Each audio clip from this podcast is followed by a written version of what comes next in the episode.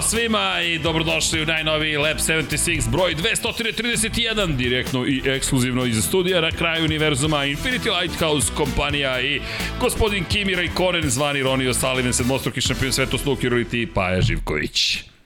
Ćao Srki. Aj si čuo pop, apa, da te ostavim na Pobezu miru, znaš šta radiš. Da, da, znam. Mogu ja da Od- idem otprilike, svoj otprilike. putem. Ali dobro nam došli i nadamo se da ste nam dobro.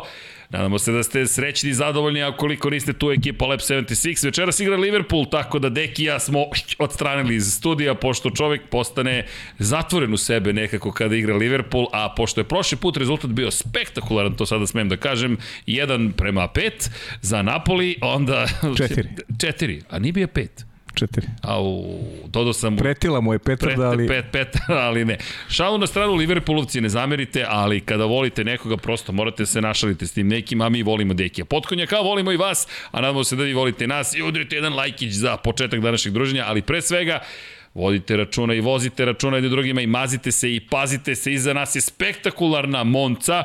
Ema je stigla direktno sa autodroma Nacionale di Monca i posle će se pridružiti ekipi ovde u studiju. Pokušavam na kvarno da je ovde dovedem da ispriča par ste reči, ali stidljiva je za sada. Polako da ćemo... Polako, ima- ima vremena, 3 do 3 polako. po sata Ma da, lagano, polako. pa će možda na kraju reći ok, samo završite više podcast. A tu je i gospodin koji zna šta su prave stvari i vrednosti. Red Bull show ranje ovoga vikenda i Miloš je pomerio venčanje zato što se zna kada je Formula 1 u pitanju. Prvo ideš na Red Bull show run, a tek onda se venčavaš, staješ na ludi kamen. To treba da se naglesi, zar to nije logično? ne. Evo imamo ovde ludi točak iza mene, tako da znaš, dakle sve je spremno, nema naglašavanja. Svadbi i venčanja u Beogradu nema ovog Ne, za vikenda. vikend nema, ja sam Ne, ne. čuo da je sve otkazano. Sve otkazano, pa da, pa da. Svi su na Red Bull show runu i mi vas pozivamo da nas se pridružite. Inače, pozivamo vas da Ko bude u Beogradu, svratite u Svetogorsku 46 tog prepodneva, vidjet ćemo kada ćemo otvoriti kapije našeg veledroma, koji nije baš veledrom, ali dobro. U svakom slučaju, nadamo se da ćete svratiti, mi ćemo pripremamo malu pri, jel te, prigodnu pripremu za odlazak na show run, koji nije daleko odavde, Trg Republike, koliko? 300 metara odavde. Pa da, ali treba malo da, da onako uvedemo ljude, dobijamo poruke i ti ja dolazi neki prvi put u Beograd, dolazi iz Pa, ali Hrvatske, iz Bosne i. Hercegovine, tako da ćemo da onako malo da organizujemo neko Pa da, druženje, da druženje tako kažemo. neke ili i neke preporuke gde, gde da provode vreme i tako dalje. Pratite Instagram gospodina Ronija Osalivena, Pavle Živković 28. Zapratite Instagram do Lab 76, Infinity Lighthouse, možete i Serceg, ali ja se a priori izvinjavam, moja neodgovornost prema komunikaciji na e, širem nivou je takva da često odgovorim 4 do 7 nedelja kasnije. Ne zato što želim, nego zato što, evo ovde do koleginice iz prodaje dobacuje da može to da potraje duže, ne zamerite. Ja se stvarno još jednom izvinjam, pokušam da govorim svugde i svakome, ali ne stižem. Ponekad odgovorim i nemojte se, molim vas, ljutiti, e, obećam da ću uspeti do kraja godine i tada da dovedem u red, ali zato vas ovako javnim putem pozivam. Svratite u Infinity Lighthouse u subotu 17. septembra, dođite da se malo družimo, možda organizujemo i neko fotografisanje za ovom foteljom ili za onom foteljom ili za onom foteljom, vidjet ćemo, ali budite tu sa nama. Ni- nisu skupe fotografije, Nisu skupe fotografije. Flavio Briatore Infinity Lighthouse-a, onda namestiš da propadne stolica, pa kao moraju da kupe Da. Stolicu. Da. To bi Flavio verovatno nekako Pa ja to zbog deke moram taj duh Flavija da, da negujem. održavaš u da, životu. kroz, kroz svaku emisiju. Znam da Dobro, voli. Ali hvala Vanje za ove kadrove. U svakom slučaju, do raspoloženja na nivou, kako i ne bi bilo kada je Monca iza nas, ali pre nego što odemo na Moncu, još jednom, Red Bull Show Run 17. septembra. Ljudi, sada stva, zaista nema šale. Za četiri dana, ljudi, za četiri dana Formula 1 mjau, mjau, ovde tu u koli, okolini će prolaziti. David Coulthard dolazi, dakle, ne znam tačno još kada stiže, ali stiže iz, jel te nije bitno kog francuskog grada na Azurnoj obali, ali dolazi u svakom slučaju David Coulthard i vozit će, dakle, trasu od Studentskog trga do Terazija. Zašto naglaša da dolazi? Zato što je bilo opcije i da ne dolazi, pa, ipak dolazi. To bilo je, svega, ali... Ali dolazi, to je ali najvažnije. dolazi, Na kraju apsolutno. dolazi. Čekaj, pa jel imamo mi, jel nas pozvao i mi smo mu ga zvali i rekli, čekaj, Davide, zaista misliš da, da možeš da ne dođeš ikada, ali šalnom stranu, ukrstile su se obaveze sa još nekim obavezama i onda je bilo pitanje šta, gde, ko, kako, na kraju, definitivno, David Coulthard, nismo ni sumnjali, Biće tu sa nama, čovek koji je, jel te, legenda Formula 1, nije šampion. Često sad u medijima čitam da je šampion Formula 1, dakle, nije šampion Formula 1, voleo bi da jeste, ali nije, ali je fantastičan vozač. No, ono što je bitno, velika zvezda, čovek koji je zaista legenda, bit će ovde sa nama i mi se nadamo da ćete se lepo zabaviti. Otvorenog je karaktera, napominjem još jednom. Dakle, to ulični događaj, ono što je bitno, kao što je i u Monci sada bilo bitno ko ima general admission ili ti opšti ulaz, dakle, morate da stignete na vreme do ograda koje će ograničiti izlazak na ulice. Oni koji im žele da imaju sedišta, to je tribine, vi ulaznice kako god želite da izvolite, tickets.rs, tamo možete još uvek da kupite ulaznice za studentski trg i za terazije, rasprodato su mesta na trgu Republike, gde će biti pit stop. Dakle, Red Bull Racing Team zadužen za show run će tu obavljati pit stopove, stižu Drift Brothers, dakle sa BMW M4-kama G82, 1040 konjskih snaga ljudi, ludilo je šta nas čeka. S druge strane, imat ćemo i stunt ridera, tako da bit će svega, bit će ozbiljna zabava, svratite u Infinity Lighthouse, ko voli Lab 76, generalno, ukoliko ste čuli za nas, svratite, pa ćemo ovde napraviti nešto pre nego što krene. Odavde se stiže relativno brzo do trga, ali kao što rekao, morate da požurite da zauzmete svoje mesta. Preko 100.000 ljudi se očekuje i nadamo se da će biti lepi vremenski uslovi i, i zaista verujem da ovo treba doživeti. Mi ćemo sigurno biti u akciji, Pavle će vjerojatno raditi direktan prenos tog događaja, ja ću biti na ulici, ali mi ćemo se potruditi svako da budemo sa vama. After ćemo organizovati kasnije u dogmi tamo od 16 časova pa nadalje, malo druženja čisto da se upoznamo ukoliko ste raspoloženi. Tako da znate, uzbuđeni smo, veliki vikend je pred nama, Beograd 83 godine nije doživeo Formulu 1 na ovaj ili onaj način. Ovo je egzibicijona vožnja, ali kakve veze ima? 2400 kubika, V8 motor, RB sedmica, Kinky Kylie, Sebastiana Fetela, šampionski bolid 2011. i pun gas. Dakle, bit će zabave, sad koliko može da razvije, ne znam koliko može da razvije, ali bit će zanimljivo videti zapravo bolid. I ne mogu da verujem da za četiri dana će biti... Koliko kultura bude hteo, toliko ćete razvijeti tim rečima, bukvalno. A mi ćemo se potruditi da Davida Kultrada, ukoliko nam to dozvole organizatori, upoznamo sa čarima Beograda. I kada smo kod čari Beograda, Svetogorska 46, Infinity Lighthouse, ali pitanje za ljude koji prvi put dolaze u Beograd. Pa evo, šta da vide? Šta da vide? Biblioteke, ćemo, da, biblioteka pa... grada Beograda pod jedan. Knjige pre svega.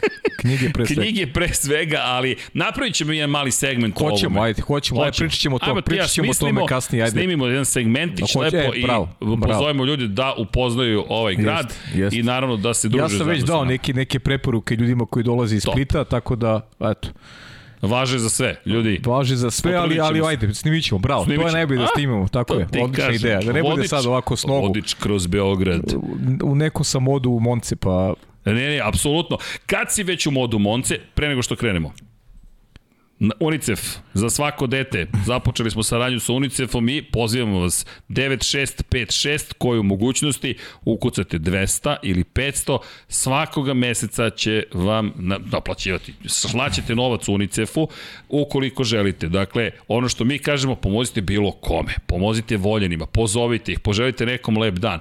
Dakle, uradite nešto prijatno, 30-30 je takođe mesto na koje možete pošaljati SMS uvek. Dakle, podržite bilo koju fondaciju, budite humani, ne kažem, budimo svi zajedno humori, daj da vodimo računa jednim drugima, da se mazimo i pazimo i to vam je manje više neka univerzalna poruka. Sticamo okolnosti, eto, započeli smo saradnju i sa UNICEF-om na nekom globalnom nivou, jedna organizacija koja radi mnogo toga, ali mi pokušavamo na lokalnom nivou uvijek da izmenimo stvari zato što odatle sve kreće. Dakle, taman komši samo da pomognemo, pa je to dovoljno da pomognemo sami sebi, porodicama, recite mamama i tatama da ih volite, To je bitna stvar, verujte mi. Važno je da ih ne kažete i da im kažete u redu je čak i ukoliko se ne slažete. Ali ljubav je, nije pitanje slaganja ili ne slaganja. A kada govorimo o ljubavi, Vanja, hoćeš da nam pustiš mali kolaž koji si nam pripremio zahvaljujući oku Hasana Bratića Pajo, Monca. Ja moram odavde da krenem. Tu je Hasan, to je Zlatan, šalu na stranu, evo ga Zlatan Ibrahimović. Zvezde nisu toliko važne koliko je važna atmosfera. Žute modena boje za Ferrari, 75-godišnica Ferrarija. F175 je naziv ovog bolida, ovde vidimo Carlosa Sainca koji se začeo. Pogledajte vi ovo. Za one koji ovo slušaju, prikaz startno ciljnog pravca ispunjenog ljudima. Tribine su prepune, preko 330.000 ljudi za ceo vikend. Dimna zavesa je tu. Italijanske boje je, akrobatska grupa je tu, dakle, avioni nadleću startno ciljni pravac savršena atmosfera, savršeno mesto, 15. runda svetskog šampionata. Da li je bila savršena trka i pobjeda? To ćemo i sad analizirati. Svakako je slavio ovaj gospodin Max Verstappen, šampion sveta peta uzastopna pobjeda, 11 ove sezone u 15 trka.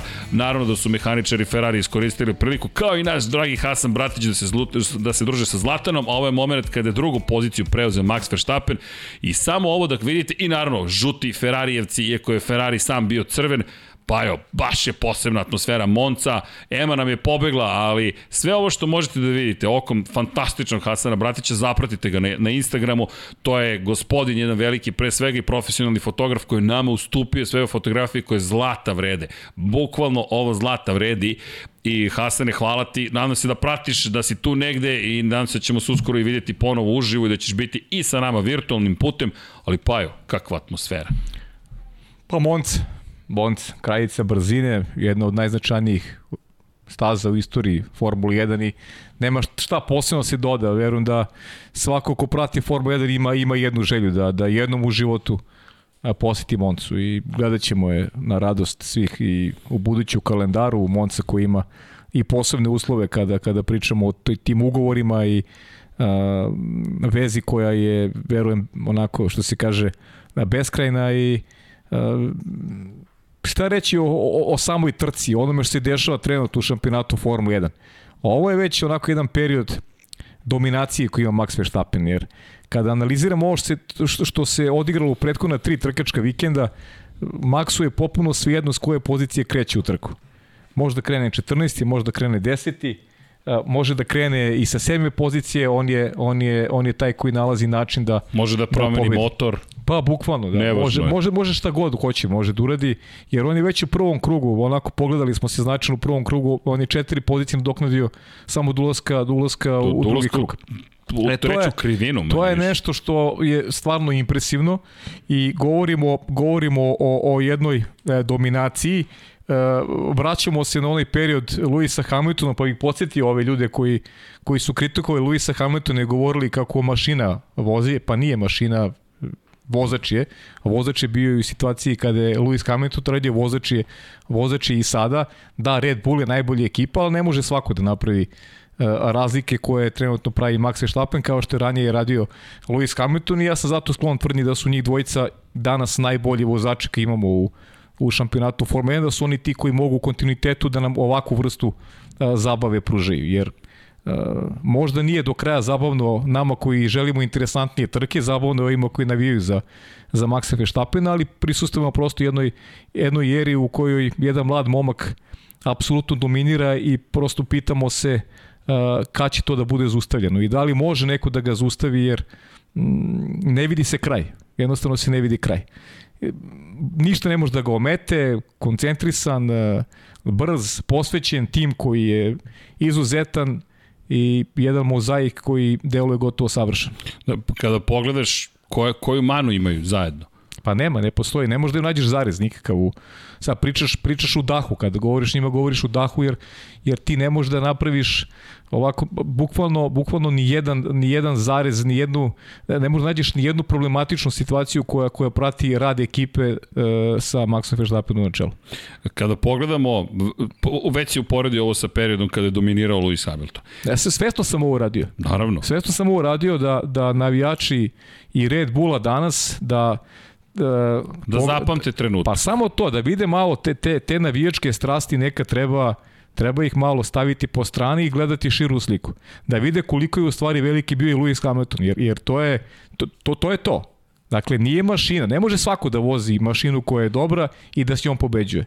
Moraš da budeš posebnog dara da bi mogao da, da sprovodiš u delo uh, nešto što je i taktika, nešto što treba, gde treba i tvoj kvalitet dođe do izražaja, jer, jer ovo, ovo je sa Mercedesom radio Lewis Hamilton. Pazi, oni su sad nepobedivi. Nepobedivi. Nepobedivi Max, Pritom, to je razlika je, gde je blaga prednost ovde iz jednog momka koji je jako mlad. E, prednost se ogleda u tome što on ove godine ima nekog rivala. Imao je bar u prvom delu sezoni, ja sad Ferrari ne vidim kao ozbiljnog rivala. Ferrari je definitivno uh, od Belgije u jednoj silaznoj liniji. Ferrari čak ni sa drugačijom strategijom ne može da pare Red Bullu i idemo u Singapur, pričamo o tome kasnije, gde vidi Mercedes kao najveći rivala Red Bulla na toj sporijoj stazi, mislim da Ferrari nema šta da traži, ali Ferrari koji je ovde bio gotovo savršen. Bio Kad pričamo o taktici, Baš je bio hrabar. hrabar. E, sve su radili kako treba, opet su imali ozbiljan zaostatak u odnosu na Max Verstappen, u odnosu na Red Bull. Pazi ovako, ajmo da, ajmo da pokrijemo par stvari. O tome smo pričali u prenosu, ali za sve one koji nisu pratili prenos ili su bili u Monci, dakle da ispratimo neke stvari, Lewis Hamilton u karijeri, da, i par stvari, ajmo pre nego što krenemo na Lewisa Hamiltona. Zašto ova era drugačije trenutno izgleda u odnosu na ono što se dešavalo sa Lewisom Hamiltonom? I to smo analizirali prethodnih godina, ko ne zna, pogledajte stare Lab 76-eve, pričali smo upravo o tome da je Hamiltonov najveći problem zapravo što su mu najveći rivali bili klubske kolege. I tu se uvek postavljalo pitanje da li ekipa želi da stvori istorijat kroz to što će pomoći Lewisu Hamiltonu i staviti ga na poziciju broj 1 ili ne. Jer Ferrari ih je povremeno ugrožavao, Bukvalno povremeno. Red Bull Racing I to, nikada kroz celu ne, sezonu. Ne u full sezonu. Ne u full, 60 do 70% sezone maksimalno. Tako je. I mi onda smo došli u situaciju da pre toga je Red Bull dominirao, opet je Ferrari u par navrata tu nešto počeo da štrči. Bilo je pitanje sa Fernandom Alonso 2012. godine, 2010. je bila potpuno otvorena godina i onda dolazi 2014. kada počinje era Mercedesa. Međutim, čak i u toj eri Mercedesa, Lewis Hamilton je samo dva puta uspeo da zabeleži beleži pet pobjeda za redom. 2014. godine Italija, Singapur, Japan, Rusija, Amerika. Zatim, 2020. godine Velika nagrada Eiffela, dakle Nürburgring, Portugalija, Emilija Romanja, Turska i Bahrein. I onda se razbolio, imao je COVID, u Sahiru nije nastupao, bio je treći u Abu Dhabiju na kraju sezone. Lewis Hamilton u eri najveće dominacije Mercedesa je samo dva puta uspeo da ima pet pobjeda za redom. Max Verstappen sada, a koja je razlika inače, Kod Maxa Verstappena su rivali bili Hamilton i Mercedes prošle godine i ove Charles Leclerc i Ferrari. Tako je. I, I to je ono što stvara dramu. I razlika je u nekom pristupu, u nekoj, nekoj ideji tima da, i, da tu postoji jasna podela. Postoji kod Mercedesa sa izuzetkom Nika Rosberga koji se oteo, oteo, se, oteo se kontroli, želeo da se bori za titulu i to je bilo njegovo legitimno pravo. Mislim da iskoristio uh, činjenicu da je on bio taj koji je razvio Mercedes zajedno sa Mihalom Schumacherom i negde sebi onako napravio pozicije koje su mu omogućile da, da svi ćute da svi ćute njegovu odluku, da se trka sa Lewisom, na kraju uspeo da se izbori dođe do titule. U Red Bullu jasno postane hjerarhija. Kad je došao Max Verstappen, znalo se, Red Bull je stao u staje projekat. Trenutka. Max je bio projekat. Max I u Toru Rosso je bio projekat. Tako je, svuda je bio projekat, ali dolazak u, u, u Red Bull je onako doneo do, doveo do, do nekih promena koje su uslovile. Ceti se Sebastian Vettel, Mark Webber, prva titula Vettel. Red Bull nije stao u Sebastina Vettel, pustio je dvojicu vozača se trkaju. Mark Weber je vodio u šampionatu pred, pred posljednju trku. Pazi, Red Bull tada još nije imao ni jednog šampiona. Tako je. Nije imao šampiona još. Pustili su, da, pustili su ih da se trkaju, Sebastian Vettel osvojio titulu i kasnije sve istorija, te četiri vezane titule koje osvojio Sebastian Vettel, počela malo da se menja i dinamika onoga što, što su standardi u ekipi, ali, ali Max Verstappen je, je, je definitivno jedan ozbiljan veliki projekat Red Bulla i svaka čast i doktoru Helmutu Marku i tim ljudima koji su onako prepoznali talenat i negde se opredelili da, da, da ga izgoreju maksimalno i evo danas ubiraju plodove ubiraju plodove e, prepoznavanja tog talenta i, i činjenice da su mu i kao tinejdžeru, kao mladom momku trpeli neke bubice, kada budemo iskreni, setimo se, znao je Max i da brljavi i da, i da onako ne, dečko u e, tinejdžer, prosto nije bio ni punoletan, šta očekivati jednog tinejdžera kada se pojavio na stazu, nego, nego da u skladu sa svojim godinama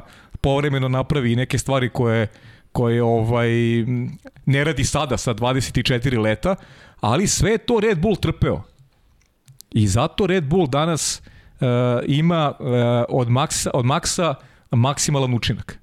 I, I to je ekipa, to je tim koji će uh, verujem biti na vrhu godinama koje slede i ja sam apostrofirao negde, svesto sam apostrofirao sledeće godine jer gledam pre svega u pravcu Luisa Hamiltona. Luis je rekao da planira da ostane još dugo u ovom šampionatu. Uh, i pričali smo o tomu prenosu, dotakli smo se te interesantne teme Alonso, Lewis Hamilton, to su uh, da kažem vozači koji već imaju godina, ali uh, vozači koji nemaju nemaju porodice i, i njima je i dalje sport broj 1. Za razliku Sebastina Fetela koji ima sada i decu, ima neka, ima neka druga da kažem, ima neke druge privilegije, ima a, ima nešto što ga, što ga s druge strane ispunjava, a Luis verujem da, da i dalje ima veliku želju da se penzioniše e, kao smostruki šampion.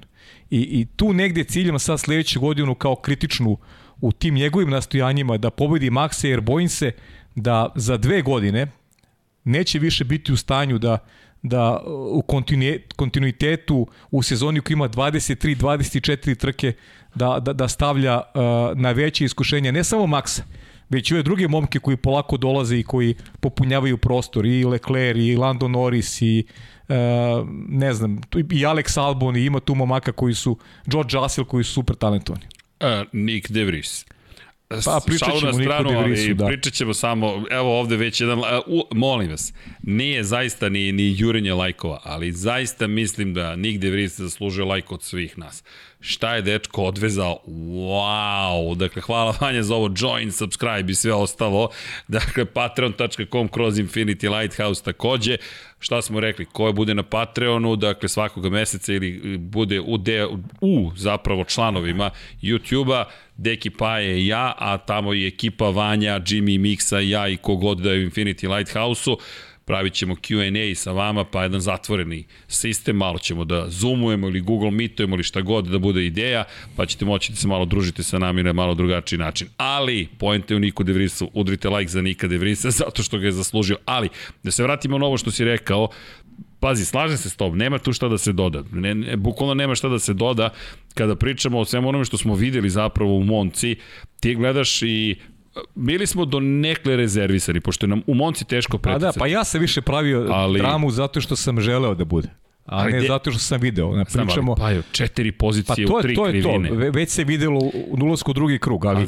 znaš, pokušavaš nešto jer govorimo to godinama, sjeti se kako smo izgledali u trenucima kada je Lewis Hamilton dominirao. Izgledali smo... ne, ne, želimo, ne želimo da niko dominira, tako isto pa, sada želimo što... da, da Max nema to. Ovo odgovara samo onima koji su baš uz Maxa Feštapena i koji naviju onako vidi za njega. Vidi onaj osmeh tamo, vidi onaj osmeh tamo, vidi radost. A dakle. mi koji želi, mi koji volimo trkanje, volimo malo više zabave, nismo negde orijentisani navijački, želimo da konkurencija bude bolja, Ma. da, da nemamo, da nemamo... Ma znaš šta nam nedostaje? Ma u redu neka pobedi 125 puta za redom, ali daj da vidimo duel, daj da vidimo onu vatru, daj da vidimo Formulu 1 u najboljem izdanju. I iskreno, to mi je jedna od glavnih tema i apropo Monce. Mi smo završili čorak, Dakle, i za vozilo bezbednosti, Formula 3, pet krugova je dobro, bilo ukinuto. To, aj, to ćemo, ne, možemo, možemo doćemo kasnije. Doći ćemo, ali, ovo je totalni ali, čorak pazi, bio, to, ali baš to nije sporno. Završava se Monca kraljica brzine tako što Bernd Majlander nas provodi preko linije cilja. Ok, takve stvari znaju da se dese. Pa da, da analizirat ćemo okay, zašto smo znaju, došli ali krug dva pre kraja, ne tako, pet. Ali mi to ne dobijemo. Mi dobijemo na kraju procesiju, čak i Red Bull Racing rekao, bilo bi bolje da su uspeli trke, trk, trku na trenutak i da smo nastavili pa, sa trkom. Pa, zastave, to je Tako da, rekao i Christian Horner, živi Tako je, šef ekipe. Ali, mi dolazimo do toga da Max Verstappen, dakle, ajmo da se vratimo malo unazad, Francuska. Charles Leclerc napravi grešku i izleti sa staze. U momentu kada to ne smije da se... Dakle, ajmo ovako. Ajmo korak još jedan u nas. A ne, meni je, meni je ovaj, ovaj drugi deo sezone, srđine. Ovde mi je drugi deo sezone mi je pokazatelj da e, dobijamo srđene istu priču kad je Ferrari u pitanju unazad 15 godina. Kako dođe drugi deo sezone, oni tako nestanu. Ma pa, nestali su oni i ranije. Ali pa, pogotovo pazi, drugi deo sezone. Ovako, ovaj drugi deo sezone izgledaju katastrofa. Raspad sistem. Nema tempa za trku, nema ništa. Baš Loši nema su... ništa. O, ovo jedina pozitiva je bila uh, strategija. Strategija je bila dobra pokuša, ali, ali video si na mekim gumama, kad izašao Leclerc na meke gume, Verstappen u prva dva kruga napravio prednost. I, i Louis, e, Leclerc je počeo da spušta prednost te kasnije, ali to je bilo 6-17 sekundi. Dakle, nije bilo nikakve borbe. Kontrolisao je tempo, bez ikakvih problema je kontrolisao tempo. Ferrari jednostavno ne može, Ferrari uvek u drugom delu sezone doživi neki, neki krah, ne mogu da, da naprave uh, napredak dovoljan da ostanu u konkurenciji i sad dolazimo do onoga uh, što moram da priznam ovaj, i sada ja počnem da verujem ono što si ti rekao još pre mesec dana, e, Mercedes će biti ispred Ferrari na kraju konkurenciji konstruktora. E, mislio sam da to neće se dogoditi, ali posle ove trke imam utisak da će, da će se nužno dogoditi. E, prosto, neću reći da nas je prevario, ali na početku godine zaista stvari izgledalo potpuno drugačije. Baš potpuno drugačije, ali evo, čisto da stvari stavimo u perspektivu. Da odemo u 2015. na primjer godinu. Nije bio loš početak sezone za Sebastiana Vettel u to vreme u Ferrariju. Treći, prvi, treći. Peti, treći, drugi, peti, četvrti, treći, prvi jel te, dolazimo do, do, do Nemačke 12. Ajde, klasifikon, drugi, prvi, treći, drugi, treći, odustajanje i tako dalje. Kada je imao najviše pobjeda u početku? 2017. pobjeda, drugo mesto, pobjeda, drugo, drugo, pr pobjeda. I ti sad u prvih šest trka opet se nešto očekuje. Četvrti, četvrti, drugi, sedmi, jedna još pobjeda i onda drugi, treći odustajanje, četvrti odustajanje, drugi, četvrti pobjeda, tamo negde pred kraj kada je već nevažno. 18. isto. I ista friča, 18. pobjeda, pobjeda, osmi, četvrti, četvrti, drugi, pobjeda, peti, treći pobjeda, odustajanje, drugi pobjeda i onda kraj. Od Italije pa nadalje nema pobjede. Nema pobjede. Jednostavno nema ih. To, mi, mi pričamo o 2019. i možemo na sljedećan način. Šta smo tad videli? Charles Leclerc koji je zabeležio prve pobjede tamo u drugoj polovini godine. Ferrari prosto stalno nekako obećati, sad će biti bolje, sad će nešto da se desi, ništa se ne desi. Svi naprave napredak neki, svi onako sa nekim poboljšanjima i, i rezultatima koji idu, idu napred, a Ferrari je neko unazad. Iako kažem, ova trka, nemamo šta da ih, šta, šta im ne zameram. Makar s moje strane, ja ne znam, možda neko vidi drugačije. Pa bili, ali Mislim da agresivna strategija je bilo jedini izbor i, i da su se stašli dobri virtualno vozilo bezbednosti, promena guma. Ne verujem, na istoj strategiji sa, sa Maxom Verstappenom tek tu ne bi imali nike šanse. Tako da... Pazi, par stvari. Izvini. Kapa dole za, kapa dole za reakciju uh, pred svojom publikom. Eto. Ajmo ovako, ajmo da krenemo odatle. Vratit ću se samo na trenutak posle na ono što si rekao apropo dominacije Red Bulla. Došli smo to, ljudi. Ovo je sad repriza 2013. Čekajte da vidimo da li Verstappen može da pobedi do kraja na svakoj trci, kao što je tada Sebastian Vettel učinio. U devet trka za redom niko nije mogao da mu se suprotstavi. Ali, priča o, o, o Ferrariju. Hrabar je bio Ferrari. Ja ne znam, ti si lepo rekao, mislim da to savršen bio komentar. A šta više, ti jednostavno moraš sve to da učiniš da bi pokušao da pobediš Maxa Verstappena i Red Bull Racing. Sveća smo pričali o momenta kada je, kada je Max zamenio gume. Da. Ja sam rekao da će u 30. krugu da menja i Ferrari. Prenijeli su 33. Da, bukvalno si ga gađa u krug. Potpuno, potpuno, rekao bih opet iz nekog našeg ugla rezonski rezonski s agresivnom strategijom probaš da uradiš da smanjiš da, da tu budeš, razliku. Da, da budeš brži od nekoga koji je koji je objektivno kvalitetniji od tebe. I šta ti kaže tim 19 kvalifikacionih krugova? Šta se desi? Da. Verstappen je brži od tebe na korišćenim srednje tvrdim gumama nego ti na mojim U dva ili tri kruga je bio brži i otišao na preko 20 sekundi. Bukvalno. I ti vidiš da to ti slomi duh. To ti bukvalno da. slomi duh. A ne, ti ta, tada, ti vidiš, da uradiš. tada već vidiš da ne možeš. Tako je. A tada zato, da ne možeš. On je poslije smanjivo razliku, ali to je posljedica to je toga da je Mak čuvao pneumatike, nije morao da forci, on je kontrolisa, apsolutno kontroli. Stekne utisak da je trebao da pojača, on bi pojačao da, je se, da se smanjilo na ispod 5 sekundi, on bi pojačao da drži na 5 sekundi, da se smanji još drža bi na 3, tako do kraja trke ne bi mogu ništa Leclerc. To, to što smo rekli, pravite nemoćnim ali da se osjećaš beskoristim, da ne možeš da uradiš, da, da ne možeš ništa da napraviš da ga pobediš. Ali zato je Priprema super za ovo što godinu. je uradio Ferrari. Najzad je stajsao pesmu i rekao imamo neki plan i nismo stogli dalje od plana C, ne znamo šta je plan C, pretpostavljamo da je ovo bilo no, da, zapravo oni, stajanje. Oni imaju, imaju plan, oni kroz plan trku saopšti jedno 17 planova. Z. Ne znam da, da li ih imaju stvarno, ali, ali saopšti kroz trku da imaju 17, ali generalno su uradili dobar posao. Ovo je posle dužeg vremena, kada pričamo o Lecleru koji je, na, koji je najbrži u Ferrariju, koji je mnogo bolji od Carlosa Sainca, da, da je njegova strategija dobra, da je on sad dobio strategiju koju bi mogao da nešto napravi protiv Maxa. Ali to nešto je malo u odnosu na kapacitet Red Bulla i onoga što na stazi daje Max Verstappen. I par stvari. Dakle, kada je reč o Ferrariju, nisu im se kockice poklopile. Nisu se kockice poklopile, ne kažem da je to izgovor, ali u momentu kada se za, završava virtualno vozilo bezbednosti, taj period, Charles Leclerc još uvek nije izašao na stazu, on je u pit lane-u. Yes. Dakle, ti čak nisi ni maksimalno iskoristio tu priliku koja se ukazala. Dao si sve od sebe, gasi se žuta zastava, svi kreću punom brzinom. Da ne pričamo o onom finišu, kada Eto, da nisu menjali gume, možda bismo imali dramu. Da, postoji teoretska šansa, mada je mala. Mala, da. da ali mala. to smo pričali. Naši proračuni kažu da ne pa, bi, ali da. nikad se ne zna. Nikad se ne zna, bukvalno. Čujte, možda, ali to je ono čuveno, šta bi bilo kad bi bilo. Ali ajde, analiziramo, analizirat ćemo posebno taj kraj, ima, ima, ali, ima vremena. Samo da se vratimo na ovo. Dakle, kada govorimo o Ferrariju, Ferrari je uradio, što se meni tiče, isto, štiklirano. Isto, štiklirano. Carlos Sainz. Plus, rekli smo, ono što, ono što u svom dvorištu ne smeju da budu pasivni, ne smeju da dozvole da, da protivnik bude agresivniji, da protivnik vuče kvalitetni potez. Oni su izvukli maksimum i strategije iz onoga što imaju, u ovom trenutku to nije dovoljno da se povedi, da se povedi Red Bull. Pri čemu? Ajmo Carlos Sainz. Carlos Sainz, pa... Izvini, kakva trka? Četvrto mesto ja, na ja kraju, se slažem, sa začeljem. Ja se slažem sa Carlosom da možda čak je mogu i do podijuma da nije bilo da nije bilo ovaj virtualnog vozila bezbednosti, da nije bilo prekida u, u, u finišu. Postoji šansa, I sam je rekao šansa. jedna od njegovih onako impresivnijih trka koje sam gledao, da budem iskren. bilo je zadovoljstvo gledati kako je prolazi kroz sve, levo, desno, levo, desno, koči ovde, koči onde, napadaj na ulazku u Oskari, napadaj u prvu krivinu, napadaj kod varijante Dela Rođe, Pa izvini, svugde e, napadaj. obrati pažnju na produktivnost Pereza i Hamiltona u ovoj trci. Nisu bili ni blizu, ok. Ali Luis A, jeste, na kraju na, ali na iskustvu. Luis imao onu grešku na početku, to nismo I videli. potvrdio je ono što si ti Da, da, sumnio da, da mu je oštećen to se, bolid. To se videlo, on je završio pored staze, ali, ali ajde budemo iskreni prema Carlosu. Ja sam nekoga vrlo često kritikuje uh, da li je opravdano nije, to je neki moj subjektivni stav, nije važno. Evo krugova. Ali, ali Sainz je o- Hvala, ovu trku odvezao saista perfektno.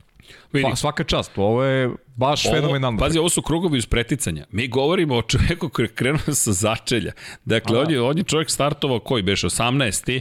nadoknadio 14 pozicija. 18. da. A Lewis Hamilton je startovao 19. i nadoknadio takođe 14 pozicija. Na drugi način. Ali Sainz, da. baš trkač. Kroz trkanje, da, kroz Jednom, trkanje. drugi, treći, četvrti, peti. Niko nije mogao da ga zaustavi. Imao je jednom je štucnuo otprilike i to je bilo to. Pazi, nije, nije bilo momenta da, da on gubi vreme iza nekog. Ne. Da kažeš nekoga posebno ometa, ne, ne, ne znam šta sa protivnikom ispred sebe, ne, on je, on je stvarno bio, bio onako baš produktivan, nadahnut i svaka čast za, za, za trku. Ne, meni se mnogo dopalo kako je to izgledalo. S druge strane, moram da ti kažem, Lewis Hamilton kako odvezao? Doći ćemo i na George Russell koji je bio treći. Hamilton je ljudi odvezao školsku šampionsku trku. Oštećen bolid na početku. Padaš na samo začelje, vidi se da si spori, ti ne gubiš glavu, ti ne, nema šta, ideš, radiš, radiš, radiš, radiš. I ti vidiš, čekaj, ovaj čovjek Ne si, ne si iznenadio možda. Ne. Pa to je to. Znaš, za- zato, zato, e, to su one priče neka kada Maxu možda ne damo dovoljno značaju zato što je uradio nešto jer ceo svet to očekuje. Pa, Pa, e, tako da. i ovo. Delo je lako. Čak i, po, i pored toga što je završio na kratko pored staze, kad Lewis Hamilton ovako nešto uradi, U kakvom okay. bolidu? Ne možemo A, da. da. pričamo o nadmoći bolida i ono preticanje sa spoljne strane, dva bolida u, u, u, u grande kurva, u velikoj krivini. Čak su i Verstappen i Russell i ostali komentarisali na, posle trke kada su prikazali, su rekli wow, double overtake je bio komentar Maxa yes. Verstappena, a, a, a, a Russell je bio oduševljen. Kako da se oduševiš onaj trkački potez, ti kroz veliku krivinu sa bolidom koji je doživeo oštećenje na početku, malo on je doživeo, ideš sa spoljne strane, aplauz, ono, bukvalno ponovo da zasluži i to smo i rekli. Da se podsjetimo kako je čovjek postao takav šampion. a normalno. Fantastična vožnja, ali jedan i drugi, ono što mi se sviđa razlike u tome, videli smo i krugove, kao časovnik, samo ideš tapa, tapa, tapa, tapa, tapa, maksimum koji ti bolid pruža, da li je bilo neki sumnje na kraju, pa ne, peta pozicija. I te kad pogledaš, šesti Sergio Perez da zaokruži, jel te, vodeće tri ekipe, oba Red Bulla, vodećih šest, oba Ferrarija, oba Mercedesa, to je to, znamo koje su tri najjače ekipe. Mogu da krenu iz Milana, bili bi Bukvalno, dakle, Među god šest hoćeš. najboljih. A, ali zaista fenomenalna trka, ono što je mene, kažete, duševilo drugačije trke i, i baš pravo trkanje. Šteta što je ta, ajde, pa moramo da se, znam da je to na kraju, ali ajde da ne idemo hronološki. Čekaj, kako smo završili trku? Dođeš do situacije, Pa onako kako smo počeli dan sređene. ej da, Onako kako smo počeli dan, gledao tako smo dan? završili trku. Bili smo 3 sata u prenosu, nismo gledali, nismo videli nismo ništa. ništa. Dosađivali si jer titula u Formuli 3 rešena zelenim stolom, od imaš Formulu 2 koja je isto bila poprilično dosadna, iseckana sa čestim prekidima. Izvini, čestitke Filipu Drugoviću, postoje rezervni Da, vozač Aston da, da. Martina. Pri- da, Bravo, da. Filipe, to A je to ono trebalo. što je rekao da traži neko mesto pod suncem, eto, Aston Martin, lep, lepa, lepa vest. I onda dolaziš, finiš trke Formule 1 gde imaš jedan cirkus, ne znaš gde je vozilo bezbednosti, ne znaš šta se dešava na stazi redari koji kasne. Pa ono je bilo izmišljeno za crvene zastave. Mi smo imali Abu Dhabi u crvenu zastavu zbog dva kruga. I okej, okay, tako i treba da se reši šampionat. Treba da se reši šampionat na stazi, a ne iza vozila bezbednosti. Ali tako treba svaka trka da se reši. Pogotovo što ovde pričamo uzorku od čak pet krugova koliko ostalo. Tu je moglo da bude svašta do kraja. ne kaže da bi se nužno nešto promenilo i nije bitno da bi se promenilo u poredku, ali da ajde ljudi da se reši, da se reši stvari na, na, na stazi, a ne da, da dobijemo epilog tako što se oni vrte iza vozila bezbednosti i, aplauz. Pa vrlo je jednostavno. Kada govorimo o vozilu bezbednosti, par stvari. Ja sam i napisao, baš Senke Abu Dabija. Zašto? Prošle godine imali smo situaciju, inače ta kontroverza i taj duel između Verstappena i Hamiltona, ljudi, pa je to rekao više puta, ali imam, osjećam potrebu da, da još jednom ponovim. 88, 89, 90 godina su godine koje su stvorile imperiju zvana Formula 1. Da Alan Prost i Ayrton Senna nisu imali takav rivalitet, pitanje je da li bi se milioni i milioni i milioni ljudi uključili u tu bitku. U Brazilu su se te finalne trke, a sad se naježio, bukvalno su gledale sa krovova kuća, ti dolaziš bre da gledaš tamo negde ekran neki iz daljine, jer smo se skupili ljudi da gledaju u Brazilu da se ne vozi trka, vozi se u Japanu. U Japanu ljudi su se kačili po drveću nisu, da gledaju nisu 90-ih, nisu 90-ih dolazili da gledaju, da gledaju, ne znam, Franka Williamsa i, ne, i, i Rona, Rona Dennis, Dennis, nego ne. su došli da gledaju Ayrtona Artona Senna i Alana Prosta i to je to. Kao što je prošla godina bilo, zna se. Max Verstappen, Lewis Hamilton i zato je pojava Maxa Verstappena neprocenjiva za formulu i iz pogleda ove, ove mlade generacije koja je kroz, kroz njega počela prati uh, auto, motosport, Formulu 1 konkretno, kao što je s vremena Lewis Hamilton I bio taj okidač. I sa Lewisom Hamiltonom. Tako je.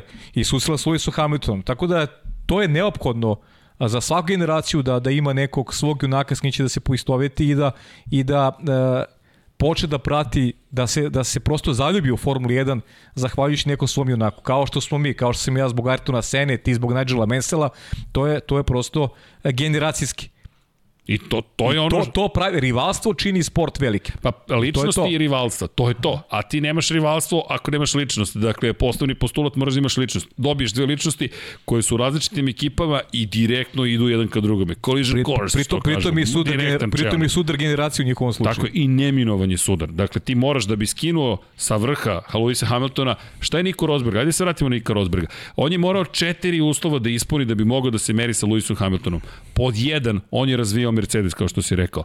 Pod 2, radi se o nemačkom vozaču u nemačkoj ekipi. Pod 3, on je sin Kekea Rosberga, dakle šampiona velikog. Mis, mislim da je njemu bilo lakše nego Maxu. I, i, da, da, ali pazi sad ovo. I četvrta stavka, ali mislim da mu je tu bilo mnogo teže. Nije talentovan ko Max. On je morao celu godinu da se odrekne svoje porodice, da se maksimalno posveti zapravo to jednoj sezoni, jednom ali, cilju. Ali je, da pobedi ali Hamilton. je znao da upravlja tim Mercedesom. Znao je. Ne, ne, znao samo hoću da upravlja tim Mercedesom. To je, to je, je mnogo, mnogo bitna stavka. On je, On je taj koji je maltene prvi seo u taj Mercedes. Ali znaš šta mu je nedostajalo? I seti se ko je prvi pobedio za, za Mercedes. Naravno u Kini, posle Niko 50 Rosberg. i više godina, pričali smo o tom. I misli, i misli da to što ti kažeš, da, da nije talentovan kao Max, a Niko je jako dobro, on je svestan toga.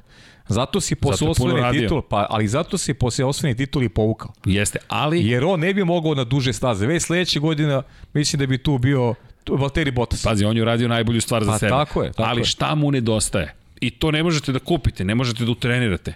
A to je ličnost, to je harizma. Ima on ličnost, ali tu vrstu harizmatične ličnosti koja privlači kamere, njemu se dešava da na Formuli 1 ga pitaju ko ste vi. Bukvalno treba da uđe i traže od njega da poš, pokaže akreditacije. Pazi, kom šampionu Formule 1 bi se desilo tako nešto iz starih vremena? Vrlo su male šanse. To, to nije kritika upućena Niku Rosbergu. Prosto to je pravda, nepravda, kako god hoćete da to opišete, za ljude koji su malo povučeni. Hamiltona će sigurno prepoznati, Verstappena će prepoznati. I zato to rivalstvo nije donelo neke stvari kao što je donelo ovo. Pa Dobre, Taj sudar. Ali to je nešto drugo. Hamilton Šta hoću da kažem? Drugu vrstu prednosti, znaš, to je Britanac, I činjenica. Oni, oni prave zvezde od svojih vozača, da li su Dobro. super talentovani kao on, da li su manje talentovani, svejedno. Pokušali su i Nemci. Oni, oni, prave, uspeli. oni prave famu oko svojih vozača i jako dobro to rade, tako da velika je razlika u tom pogledu između Nika Rosberga, ali, ali, ali moraš ali, da imaš mislim da si, čak. da si osnovnu stvar rekao na početku. Nije talentovan kao neki drugi. To nije. je suština cele priče. On zaista nije. nije talentovan. On je iskoristio te neke resurse, e, neke, da kaže, zaostavštine koje imao u tom timu, e, pozicije koje je stekao zato što je bio pionir. Bio je pionir u projektu u kome mu je pomagao Mihajl Šumeker. I onda kad ti pobediš direktno Mihala Šumehera, ok, Mihajl Šumeher koji je došao iz penzije, nije bilo za očekivati da Mihajl pobeđuje, ali, ali je i Mihajl stavio, to veliko ime. a Mihajl ugradio sebe, ugradio sebe u titulu Luisa Hamiltona.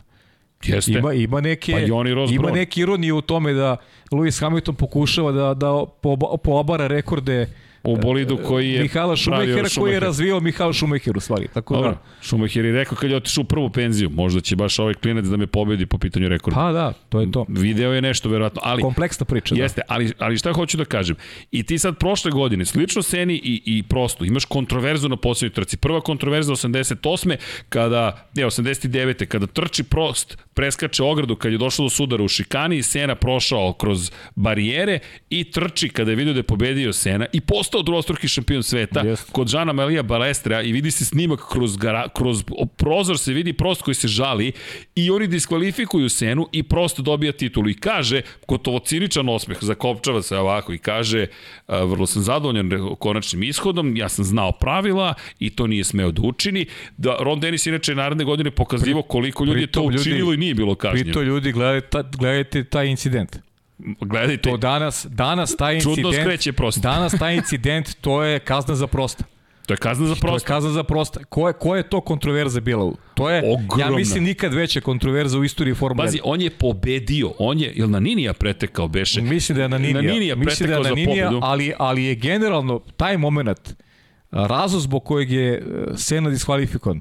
To je danas kazna za prosta, a ne za A Sena. pazi, oni su ga kaznili zato što je nastavio, vratio se na stazu po, pokraj, gume, pokraj guma koje su glumile mislim. barijere i rečeno je da to nije dozvoljeno, da je morao da se vrati u rikverc, to je u suprotnom smeru da vozi. Pa je Pike naredne godine rekao, e, tražite od nas da Ayrton vozi unazad, Jeste. pa da izađemo. Jean-Marie Balester, to je Jean-Marie Balester koji mi je rekao da ćute i da se ne pitaju ništa. Pinokio, ovaj Formula 1.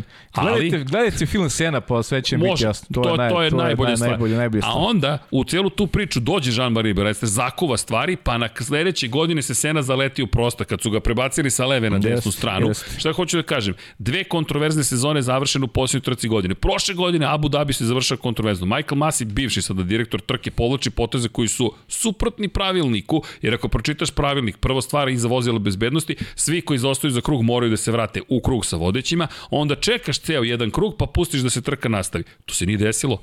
I što je Lewis Hamilton rekao posle ove Monce, jedini put u istoriji da se to nije desilo prošle godine. Ima pravo da se osjeća ogorčeno. Ne ulazim u, u validnost titule ili zasluge, apsolutno ih je zaslužio Max Verstappen, ali to je kontroverza koja će zaovek pratiti Formula 1. I sada gledaš trku Formula 1 i kažeš, aha, imamo vozilo bezbednosti. Gde je vozilo bezbednosti? Bernd Mailander kao da se trkao. Koje je pravilo? Bernd Mailander mora da sačeka vodećeg. On kao da se zaneo na kraljici brzine. I to je Horner rekao. Bear Mailander je očigledno da je bio onako pod stresom, ceo dan se vozio. Pa samo I može. Formula 3, Formula 2 i Porsche Super Cup. Izgleda se malo pogubio. Mo- Možda mu isteklo radno vreme.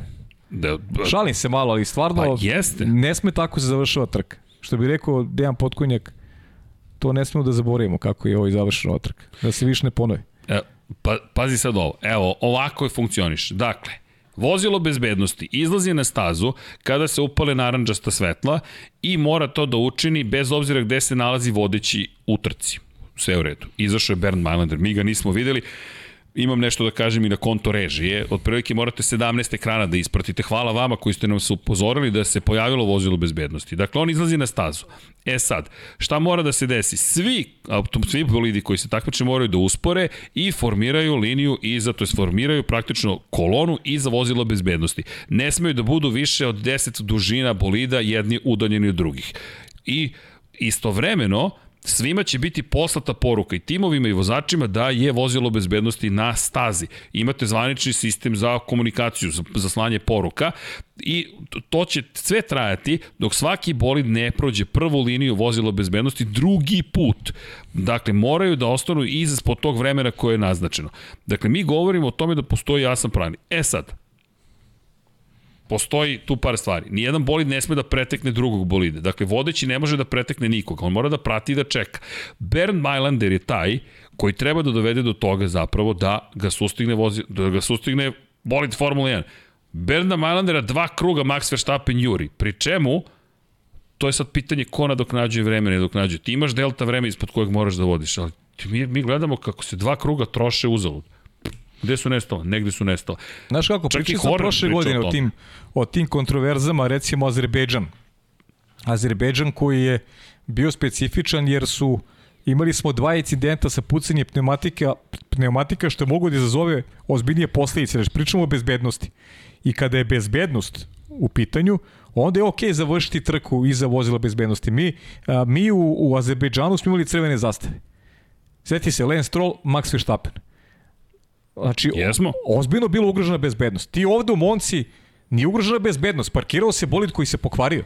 Ljudi, šta čekate sa crvenim zastavama? Odmah. Ne razumem. A Zandvoort? Vi, vi zatvorate vi trku iza vozila bezbednosti gde, gde nema nikakvih da nema nikakve opasnosti po vozača. Dajte nam da završimo kroz Ne, ne, trkanje. ali, ali pazi, još gore, dve stvari. Prvo Zandvoort. Valtteri Bottas je parkirao na startno ciljnom pravcu. Mi smo ceo krug vozili dok je bolid na startno ciljnom pravcu. Nikom ništa. Dođe virtualno vozilo bezbednosti. Sada, pazi sad ovo, sada imamo situaciju da je bolid parkiran između Lezma 1 i Lezma 2 na najbržoj stazi na planeti Zemlji u Formuli 1. Dakle, prosječna na- brzina ovde je skoro 250 To km će kažeš, Masi, vrati se, stog tako. Ne, nisam, ali vidi, odjednom je on parkiran. Šta je još gore? Oni ne mogu da ga sklone, shvataju da je u brzini, dolazi traktor i izlazi na stazu. Da, iza vozila bezbednosti, traktor vozi unazad, čekaj. Da šta ste ti kažeš, šta je, izgleda da ovi iz Ferrarija su upravljali trkom. Ha, pa, Pa spore okej. reakcije, spore reakcije. Da, iznenadili ih, iznenadili ne, ih to je, to, je, to je kao kad imaš, kao kad imaš plan za trku iz perspektive tima. Tako treba da imaš plan za trku iz, iz pozicije sudija. Kad znaš u svakom momentu, ok, ili, imamo u finišu uh, ili su vozači u opasnosti ili, ili nisu bezbedni uslovi. Ok, završi trku i za vozila bezbednosti niko neće kaže ništa. Sve. Ili, ili, su, ili su uslovi dobri? Ili nije ugrožena bezbednost? Pa ljudi, crvene zastave, dajte nam, dajte nam četiri kruga trkanja. Šta, šta je sporno? Za, zašto čekamo? Jel Nemate, te, nemate taj plan pre početka trke da može se dogodi tako nešto. Ili se šta prvi put se dogodilo da, da imamo ovaj, vozilo bezbednosti u finišu trke? Pa, nije. Nije. Ovo, sa unisono. Ali nije. Znaš, ti, ti moraš da, mislim, be, besmisleno je pričati, moraš da imaš plan. Ono što je problem sa Formulom 1, poziva se na bezbednost na, na nekim stvarima kojima mora. I odjednom dođe situacija, meni je Bottas još gori incident. Pa na kraj startno ciljnog pravca, Tarzan krivina, tamo se svi zaleću da preteknu. Jest. I ti kažeš, nek stoji tu bolid. Pa to je možda 80-ih moglo da bude prihvatljivo, ali danas nije. Vi ste sami rekli to je neko pravilo gde ćemo da vodimo računa. Pa povedite računa o tim ljudima. Pri čemu, tog, tamo je moralo vozilo bezbednosti odmah da izađe na stazu i da ih vozi kroz pit lane. I da onda sklone Bottas. Ali odmah, nema tu diskusije. Šta I će da onda- se desi? Otkotrljaće se, šta? Vraćamo se na ovog Pinokija. Ovaj, uvek ima neki neki Pinokio iz, iz ko zna kog razloga da da ovaj utiče na, na neku dinamiku ovaj šampionata ili ti trka, ne šampionata, trka konkretno. Mislim, naša reakcija reakcija morala da postoji, a zašto nije, ajde, ne ulazimo sad u, u detalje. I bitna napomena. Ja apsolutno se slažem sa svakim ko misli da se rezultat ne bi promenio. Ne vidim da bi išta ugrozilo Sve Maxa okay, ma da, nema, nema to veze sa, sa Nego je rezultatom. pojnta da mi završamo ovo. Vanja, možeš ponovo da pustiš onaj slide show za one koji su na audio platformama spektakl iz Monce prikazuju. A- Ti sad imaš ovu atmosferu. Ajmo da postimo, da postimo stvari da su recimo Max i Charles u, u 3 poena. Kakve bi danas O, Vanja reakcije bile? i muziku. O čemu bi pričali danas? Da su da je razlika 3 poena. U krajnjem slučaju nebitno je 100, koliko je 100 i 10 razlike pre pre ove trke. Ništa ne znači ne znači za šampionat. Znači za ove ljude što su bili tamo i za nas koji gledamo da da imaju da imaju pravu zabavu u finišu. Nema, da Ema, gledaju. moraš da dođeš da nam objasniš kakva je bila atmosfera kada su otkazali tih pet krugova. Si spremna? Hoćeš? Ćeš da rizikuješ? Vanja će me ubiti. Pita se, a koji kadar srđani misliš da ja prikažem? U koju kameru? A, hoćemo Vanja da napravimo jednu kameru. Ubijamo ti kadrave. Vanja je samo slego ramenima. Ajmo Vanja da ubacimo Emu. Hoćemo? Staviš dvoplan i namestiš ovu četvorku da bude za Emu, specijalna kamera. Da nam ispriča kako je bilo u Monci iz njene perspektive. Pa Da ima- to je Lab da imamo 76. konačno jednu damu Ja, ajmo, da dama, priča. odavno nije bila ovde. Daj, čekaj, daj nam 5 minuta, daj nam 5 minuta, Ema. Mora Vanja da namesti kadar, već, već u svojoj glavi vrti film i kaže zašto sam ja ovde večeras. Zato što Luka i Kuzma počinju 23.59, tako da... Večeras počinju Pa da, pa 23:59. Luka, oni ne odustaju. Nikad ih ne obavesti o rezultatima, ali nema veze. Sva- Mi ćemo da kažem posle. Razočarat ćemo ih, ali da, pratite Luku i Kuzmu, e, košarka je u pitanju. Nisu loši momci u pitanju. Jedan je onako solidno igrao. Je, ba, ne, Pristojno, pristojno. Ali dobro, sad ima bradu. Elem, da se mi vratimo na, na ovu priču o Monci, a Ema iskoristit ćemo baš to što si tu, samo da malo ovde po, poremetimo ceo studio, jer mi to volimo da radimo. Ne, nemoguće, s nama je nemoguće raditi. Vanja, ne moraš skroz tamo da pomeriš, možemo je davde malo, ja ti ne smeta slika iz profila ili nešto slično, nemaš te probleme. Dobro, pa moram da pitam, znaš, koliko gostiju, toliko čudi. Tako da, Pa jeste, iz perspektive trke, znaš, Monca sa ovim ovde kadrovima, 330.000 ljudi, ludilo, sve haos, sve super, sve... Kraj. Kako, kako mislite kraj? Kraj, nema trkanja. A da, nema trkanja. Moraš da razmišljaš i o tome. Da, pravilnik postoji, apsolutno, ali isto tako moraš da ispoštuješ sport. I okej, okay, završilo se kako se završilo. A ne, imidž, ali... imidž, imidž gradiš kroz, kroz sport. Tako je.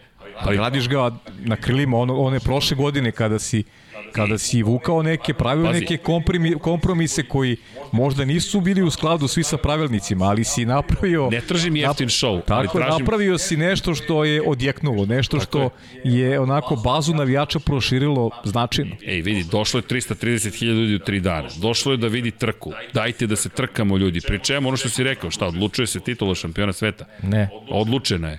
Odavno je odlučena, sad možemo samo... Teoretski, Max Verstappen za tri nedelje u Singapuru može da podigne titulu šampiona sveta. Postoji teoretski šta može da se desi da bi on postao prvak sveta.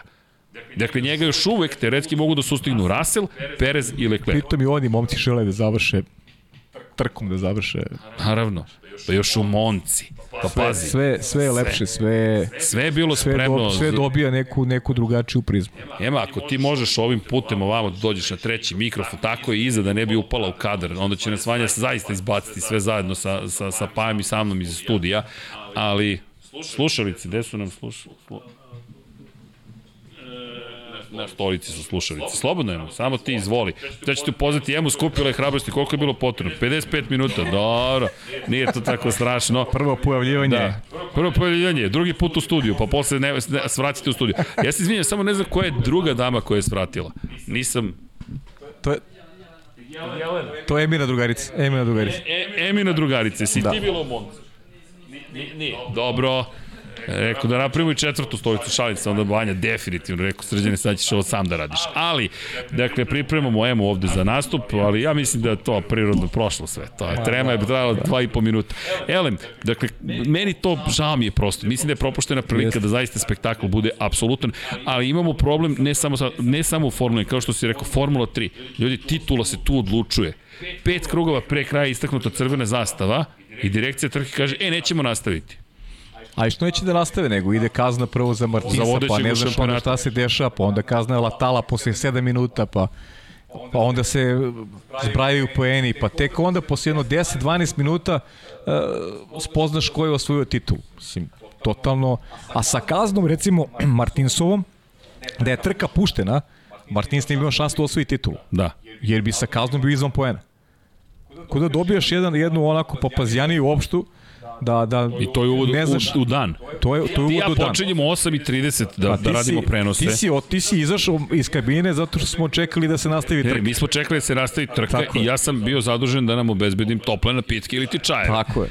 I tako je. dok sam ja otišao po čaj, vratim se i kažu šampion Martins. Ja sam, ja sam srećio most u Kako? kabini, pošto sam ja čekao da se nastavi trka i sam vidio da se nešto čudno dešava. I, Kako? I idemo u neku priču koja veze sa sportom nema. A apsolutno i Martinskoj, a pazi sad spin, spin, moram pohvalim, PR sposobnosti su mu velike, kao je rekao, uh, plašio se se da mi se ne desi ono što se desilo Lewisu Hamiltonu. Ka kakve ti veze imaš sa Lewisom Hamiltonom? Šta bi se to tebi tačno desilo?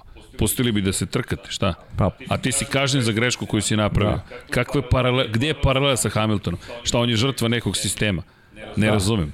Pa dobro, znaš, znaš kako. Ja, I rekao sam ti, Pričamo kasnije o Formuli 3. Ovi, ovi tineđeri, 17-18 godina, oni su talentovaniji od Martinsa i za njih je veći benefit to što su se njemu trkali za šampiona, njemu je potrebno, ali mislim da neće imati karijere kao što će imati recimo Berman, Hadjar, i ovi momci koji su zaista fenomenalni. U Berman, ali pričat ćemo o duševi, da, bukvalno duševi. Nego, Ema, jesi nam se pridružila? Jesam.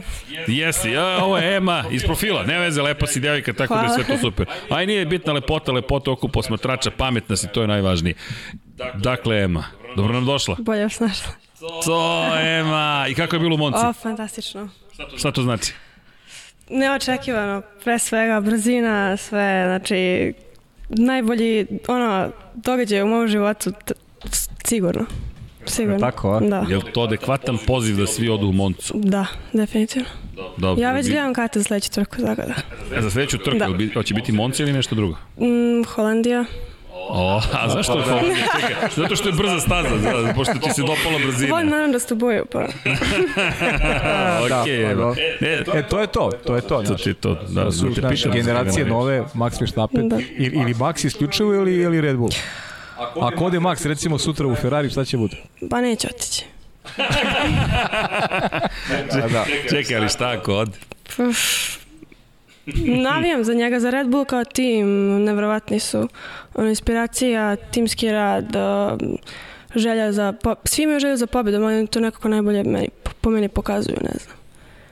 Pa jeste. Dobro, dobro to nije, nije loš opis svakako. Da. Da. Si bila sama ili si išla s nekim? Nas petoro. Tata, drugarica Marija, njen brat Marko, moj brat od strica Mario i moj tata. I, Da, da, jesu zadovoljni? Ova Prezadovoljni. starija generacija. Prezadovoljni. I oni su za Verstappena, 100%. Da. Stvarno, šalio sam se.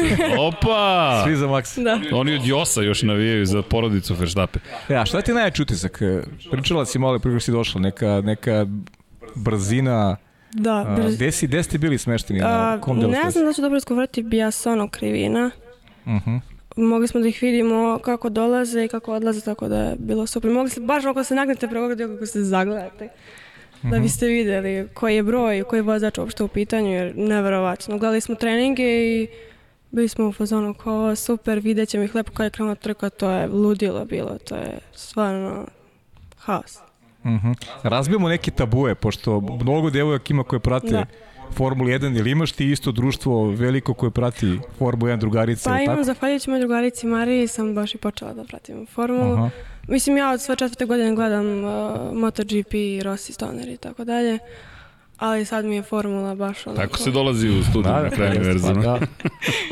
Znao sam da će to da ti se svidi posebno. Da, Pa naravno. I za koga si navijala? Rossi. Uvek Pa i i- zauvek i baš mi je krivo što ga nikad nisam videla. Eto. Dobro, nikad se ne zna, možda neka GT3 trka. Da. Imala sam Da. za Sebastiana Fetela, sam imala predo da će, baš da će ići u penziju i rekla sam mi moramo da idemo ove godine na neku trku, tako da je Monza bila savršena. A što Sebastian Vettel sada? On mi je posle Maxa najmiljeni vozač. Šumahera, dobro Šumahera. Naravno. To je Dobro, Šumah. ko, ko, koleginic Uspeh. prode. Da. Da. Dobro. Ej, vidi, nećemo te dugo zadržavati, samo još jedno pitanje. Kakav ti je bio utisak kada se trka završila iz vozila bezbednosti? I publike oko tebe. A, pa ovako, a, znači čekali smo, krug se završio, čekamo istu brzinu, sve, ništa se ne dešava, tišina, vidimo zeleno vozilo Aston Martina, koje je inače boja prelepa, još lepše uživo. I vidimo naravno Max prvi, a, čekamo da se vozilo bezbednosti završi, ne završava se, maršal i dalje maše žu- žutom zastavom. I iskreno, ono, to mi je, meni je bitno bilo, bitno bilo da sam tu u tom trenutku, nebitno kako će se trka završiti. Naravno, htjeli smo bar jedan krug da bude onako sprint na kraju, ali dobro, eto, bitno da je Max pobedio, tako da... Tako da radost. Tako Jesi da. istrčala na stazu? Ferrari fanovi. Jesi istrčala na stazu? jesam, jesam, kupili gume ono posle trke, sve. Tako da. I bili smo jedine moje drugarice i ono prolazi Max, mi kao uuu, i svi Ferrari fanovi se okreću ka nama kao. I? Ali imala sam Ferrari kačket, kamuflirala sam se tako. A, Kamuflirala sam se. A vičem Max. A vi ćemo... Ja, i sutra pitaj me da li će da navija za Ferrari kad Max potpiše za Pa, Ferrari. lagano. Da. Tako da, eto. Kad uvede Njuje sa sobom. Da. I celu ekipu. Da. Ema, šta ti kažem? Hvala ti. Hvala.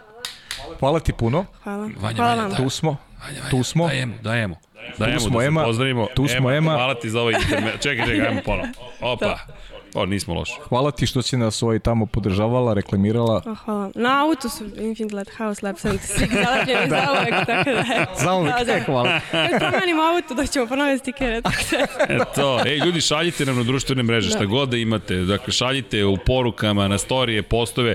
Ljudi, nama je to čista radost. Svaki put kada vidim nekoga u majici ili nekog ko nešto pošalje na Infinity i dalje i zapanjen i potpuno oduševljen. Ja se nadam da ćemo se uvek uh, i osjećati isto i oduševljeno, a pomalo izbunjeno.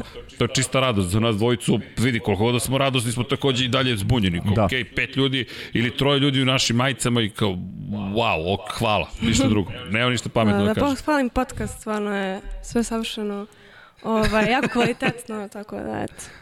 O, kad to hvala kaže puno, mlađa generacija, hvala. Tako, ja sam devica, tako da mi je to bitno da je sve na mestu, to je to. e, hvala, hvala ti. Hvala, hvala, hvala ti puno. Hvala. hvala. sve gledalce ovaj, najlepšeg sporta na svetu. Eto. Hvala. Hvala, Ema. Divno, Ema. Divno Ma nema šta, ove mlađe generacije. Moćeš pred kameru, ma nema problema. Ma, da. Kakva kamera? Ne, to mogu. To Neću. mi pojedemo lagano, za sekund, lagano, lagano da. Dobro. Hvala ti. Šta drugo da ti kažem, kada je reč o, o samoj trci, čuli ste, eto, i to je zanimljivo, znaš, mi to ponekad ja zaboravimo, da je sam odlazak na stazu toliko dovoljan sam po sebi. Na stazi sam bio. Jesi dobro, Ema? Sve je bilo okej. Okay. dakle, kada pogledaš celu situaciju i kažeš, čekaj, samo odlazak. Znaš šta mi se dopalo? Mnogo ljudi je pisalo i sad ne mogu tačno povotam imena, da je utisak bio da je velika gužva, da se ništa ne dešava, da neko nije dobra organizacija dovoljno i tako dalje. I onda najlepša, najlepša poruka, ej, pustili su nas na stazu. Sve ovo vredelo je samo da izađemo na stazu. A negde ne možeš da... Znaš koliko pitanja ima kad ljudi idu, koliko sam puta morao da govorim, ne znam ljudi.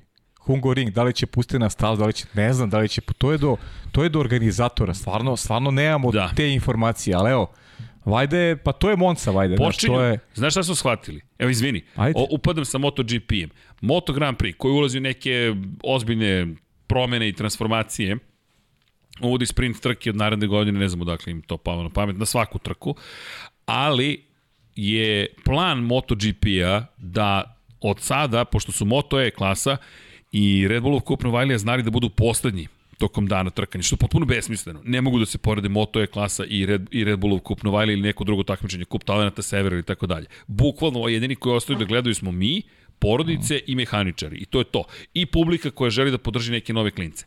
Moto je malo drugačija situacija, ali Moto Grand Prix kraljica, kraljevska, to je ta klasa. Formula 1 isto. Šta je MotoGP rekao?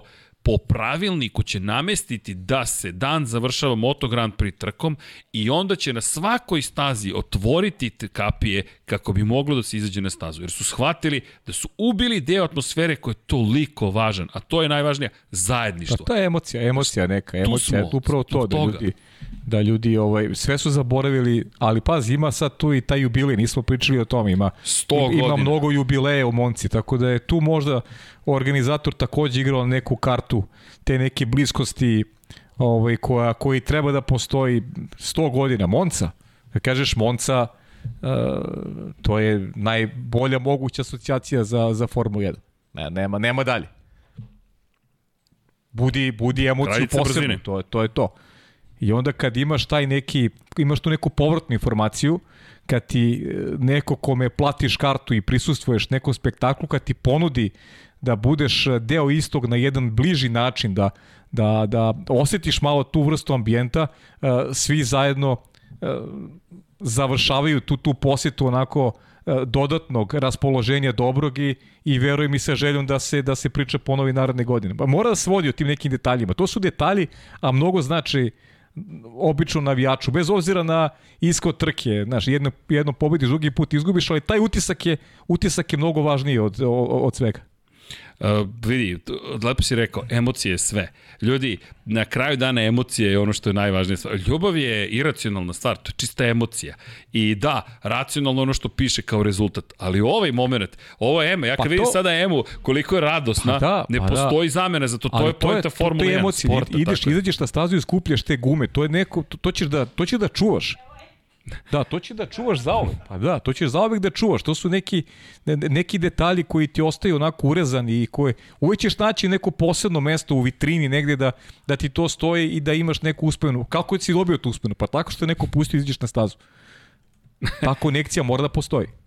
Da, vidi, ja ne znam, ja sam zaljubljen u sve ove stvari i ovako vidiš ljude koji podele emociju sa tom, ne postoji veća radost. Ma sve si rekao, nema tu šta. I to je ono što je problem, to se zaboravi. Pretvoriš ljude u brojeve, pretvoriš ljude samo u novac i kažeš, da, novac ti treba I, da izdrži sport, i, ali nije to pojenta. I evo ti još jedan primer, znaš, Ema, sad to je taj primer koliko znaju da budu stariji nekad dosadni, onda sa tim pričam u moje vreme, je bilo super, ne, svako vreme je najbolje vreme. Ovo vreme je sada Tako najbolje je. vreme, ima neke nove divne navijače, neke ljude koji, koji vole ovaj sport, Uh, ima i stariji koji su ostali vjerni onome što su gledali nekad, ali ljudi uživajte onome što, što sada živite, živite, uživajte u ovom, u ovom trenutku, jer Formula 1 je danas fenomenalna i sada uporedimo sa nekim starijim vremenima, mislim da je iluzorno, potpuno i nepotrebno.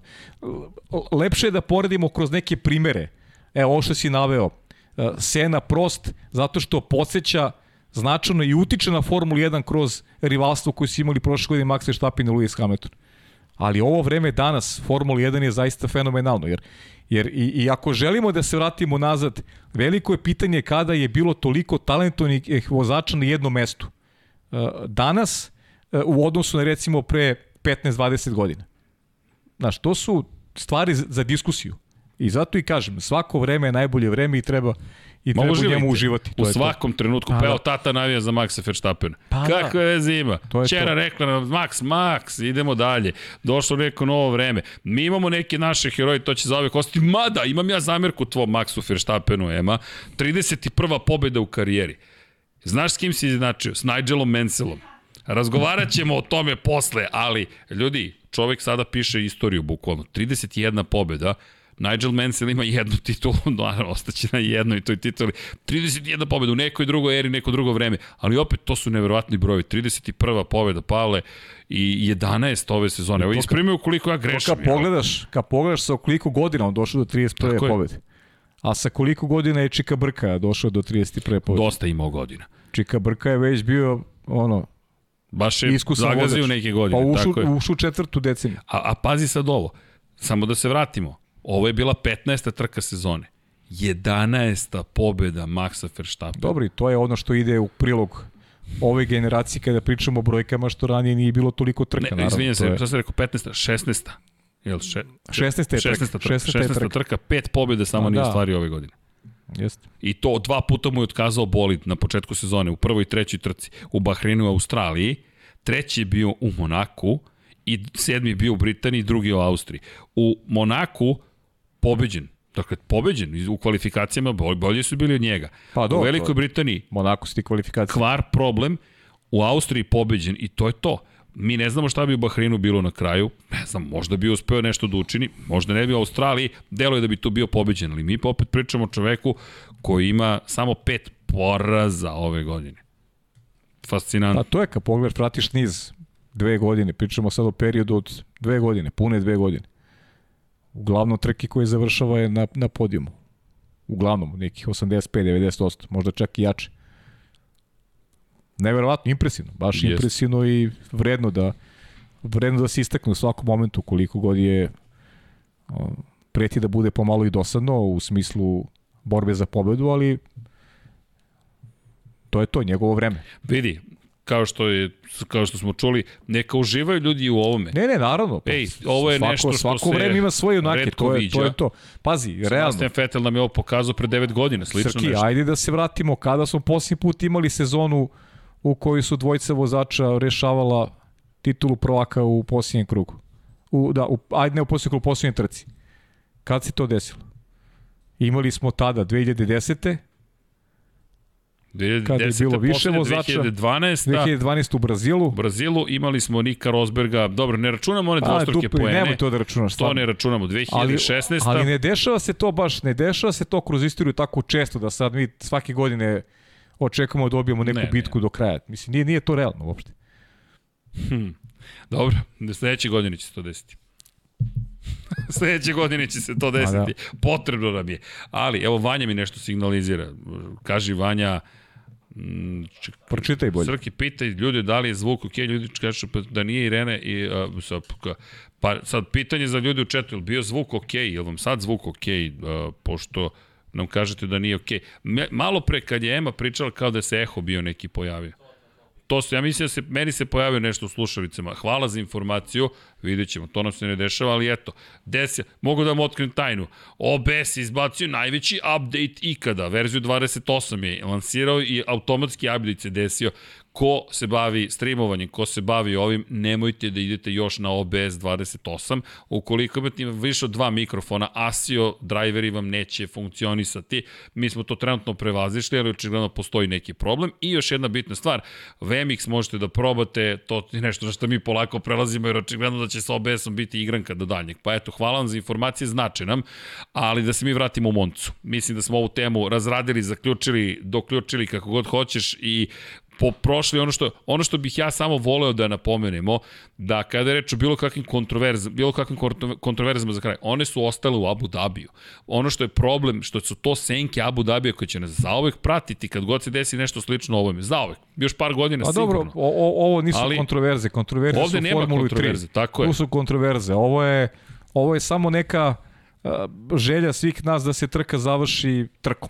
Eto, tako je. to je a suštinski ništa nije promenila. Mo, možda bi neko drugi pobedio zaista na kraju, ali suštinski, suštinski ne menja ono što je neko ogledalo sezone, a to je dominacija, sada je već dominacija Maxi Red Bulla, tako da potpuno dominacija. Da. Sad se više ne postavlja pitanje mi zaista Ono je kontroverzno, ovo sada rekordima. ovo je sada prosto pitanje nekih sportskih pravila, neke etike ove koja negde treba da, da od svih traži pravovremene reakcije i, i želju da publici koja dođe bolju tamo uvežbanost. tako je bolju uvežbanost da da dobiju da dobiju vrhunsku zabavu da dobiju trku a ne ne da gledamo pet krugova uh, onako kao kao da smo nekoj amaterskoj ovaj amaterskom skupu gde, gde se ne zna ko pije ko plaća.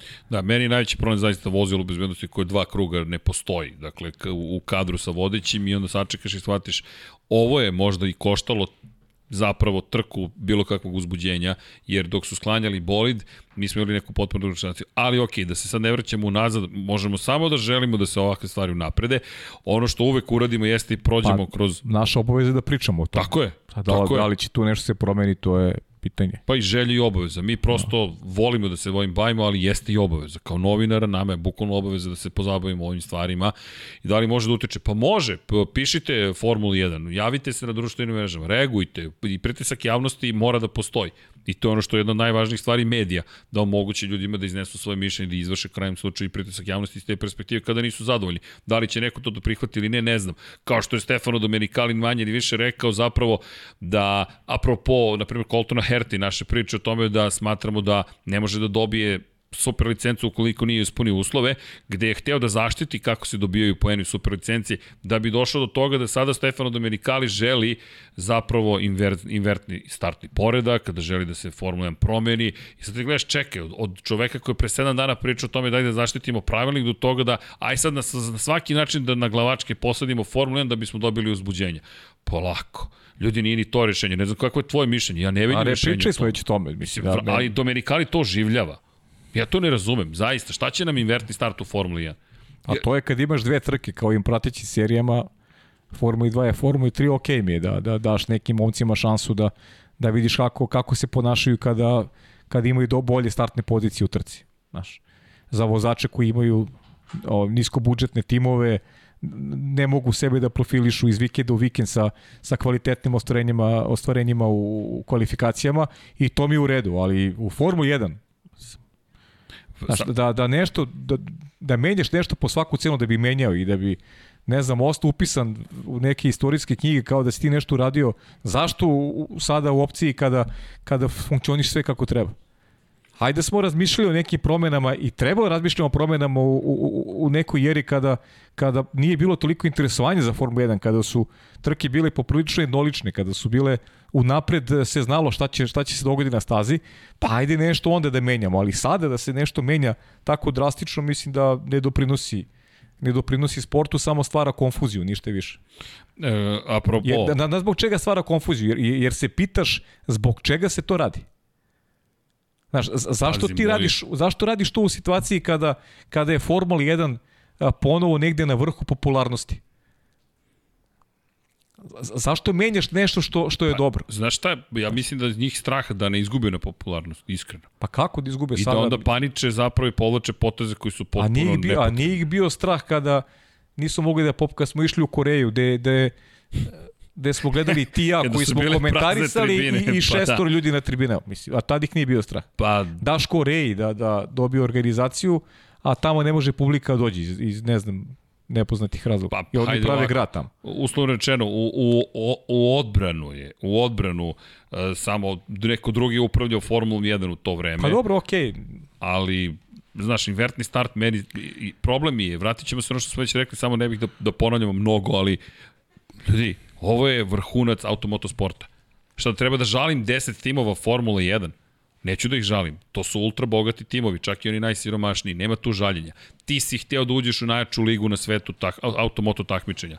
Ušao si. Nemoj sada da tražiš invertni start pa da bi se naši malo bolidi videli na čelu. Ne, ne, napravi bolji bolid. Tačka. To treba da bude vrhunac takmičenja i onaj koji je bio najbolji na, u kvalifikacijama. Tačka. Njemu pripada pol pozicija. Bolje, bolje sistematski radi da, da ti timovi srednje kategorije ili ti timovi slabiji da da dobiju veći kolač od onoga što ti prihodiš. Jer ne može da ubedi niko, ako ti prihodiš godišnje 24 milijarde, koliko smo on rekli da je prihod ove godine, pričali smo tim pa, ciframa. Pa ide ka tome. 24 milijarde, pa uloži više u timove da, da oni budu kvalitetniji. Pa napravi tako, napravi tako uh, kvalitetnije takmičenje. Jer idver, idvertni ili verzi start, kako god, možda i to jeste sada predlog, neko se našao pametan da to predlaži, jer, jer imao si, šta smo imali u Monci? Imaš uh, Verstappena koji kreće 7 pozicije, on je već u 11. krugu prvi, možda i pre. E, misliš u Belgiji? U Be, ne, ne, imaš i ovde sad u Monci. Krenuo je sedmi, bio, da, da. krenuo je sedmi, pa je, pa je već bio... Treći je bio u trećoj krivini, ne, to smo rekli. Imaš Hamiltona, imaš Perez, imaš Sainz koji su na kraju opet među šest. Krenuli su iz Milana, pa su bili među šest. I ako tako postavljaš stvari, da, kao invertni start je u redu, ali nije u redu prema tim timovima koji koji e, kvalitetno rade, koji imaju najbolje inženjere, koji ulažu da bi bili najbolji. A ti kao sistem pomozi onima koji ne mogu to da prate novcem. Ti pomozi sistem tako što ćeš njima da omogućiš da budu u takmičenju kvalitetniji. Pa nema veze, neka, neka, neka se zna da ste vi pomogli da ste pomogli svojim resursima. Ali to je pomoć za šampionat, a nije pomoć za šampionat da ti obrneš sada startni poredak Pazi, i da na taj način praviš njegov, neku dramu. A to je čovjek koji je u februaru rekao to nećemo da radimo. Evo nas u septembru i kaže sledeće. Kada se voze sprint kvalifikacije, to je kada imamo sprint vikende, petkom, to je subotom ujutro trening broj 2, da se za njega dodeljuju poeni, pazi sa to, a onda da u tu subotu invertni start bude na osnovu kvalifikacije od petka pošto će to da je pojednostavi gledanje Formule 1 i mnogo je učini još zanimljivijom. Dakle, ti praviš sledeće. U petak popodne u 2 ćemo imati trening broj 1, uveče ćemo imati kvalifikacije, u subotu ujutro ćemo imati trening koji će se bodovati, a onda ćemo u subotu popodne voziti kvalifikacijonu, kvalifikacijonu trku sa invertnim startom u odnosu na ono što se vozio u petak uveče, da bi ta trka definisala start trke za nedelju o, ok, i sad šta smo stvorili? Mi, mi se dakle trkamo u petak, subotu, subotu popodne, nedelju. Pa čekaj, ili trka trka ili smo sad sve pretvorili u ajde da se bavimo poenom na svakom mestu i pričaš o tome da treba uštediti. Ja ne vidim kako ćeš uštediti u cijeloj toj priči. A, a pritisak na timovima, a vozači, biće, to je opšti haos. Mi, samo ne, ni, da ne budemo postoji, precizni o čemu se ne, radi. Ne postoji sport, ne postoji ništa u životu i možda napraviš neku lažnu dramu. Možeš samo sistemski da, da, da poboljšaš ono, ono što ono čime se baviš i ono od čega želiš više eventualno da prihodiš, prihodiš i da privučeš nove neke ljude da, da to gledaju. Jasno. A, a da praviš veštačku dramu, samo stvaraš konfuziju i, i nerviraš ljude koji, koji prate nešto i vole uh, ili mnogo godina ili, ili su skora počeli da, da, da onako uživaju u Formula 1. Tako da jedna, jedna glupost iz, iz, iz našeg ugla i nemam šta dodam na, na, na tu priču. I, idemo dalje. Ajmo dalje. Ali samo morao sam da spomenem, jer kad to izgovori izvrši direktor Formule 1, u ovom trenutku ta stvar nije bezazlena.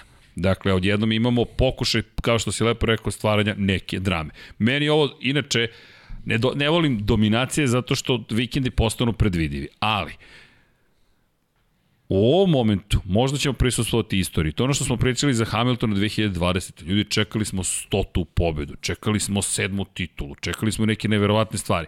Nekako je to izvesno, ali i dalje uzbudljivo vidjeti da li će ovaj čovjek stvarno to na kraju da postigne. Sada čekamo da ima Verstappen. Hoće li on pobediti? Singapur, Japan, Sjedinjemečki, Meksiko, Sao Paulo, Abu Dhabi, ima još šest prilika do kraja godine, Mogao bi 17 pobjeda da ima na kraju sezone. Ne kažem da će ih imati, ali to je trenutno prilika koju posjeduje. A onda dodaš na celu tu priču Mercedes koji juri Ferrari. Ne kažem da je to kritična stvar, čisto je nešto što ne, se nije. događa. A ne, to, to smo... Ali pričali smo iz moralne perspektive malo, važno. malo drugačije gledamo na to, ali, ali sa sada bliži sam onom tvom stavu da će Mercedes biti drugi ali mislim da to suštinski ne menja, samo pokazuje te slabosti Ferrarija koji se javljaju iz godine u godinu u drugom delu sezoni. Jer Ferrari je realno, Ferrari je realno spor u odnosu na prvi deo godine. Realno. Oni više ne mogu direktno trkvi da povede, da povede uh, Red Bull i Max Verstappen. Čak ni uz drugačiju strategiju. Pa... A idemo na stazu za 20 dana gde očekujem da će Mercedes biti ozbiljniji rival Red Bullu nego Ferrari.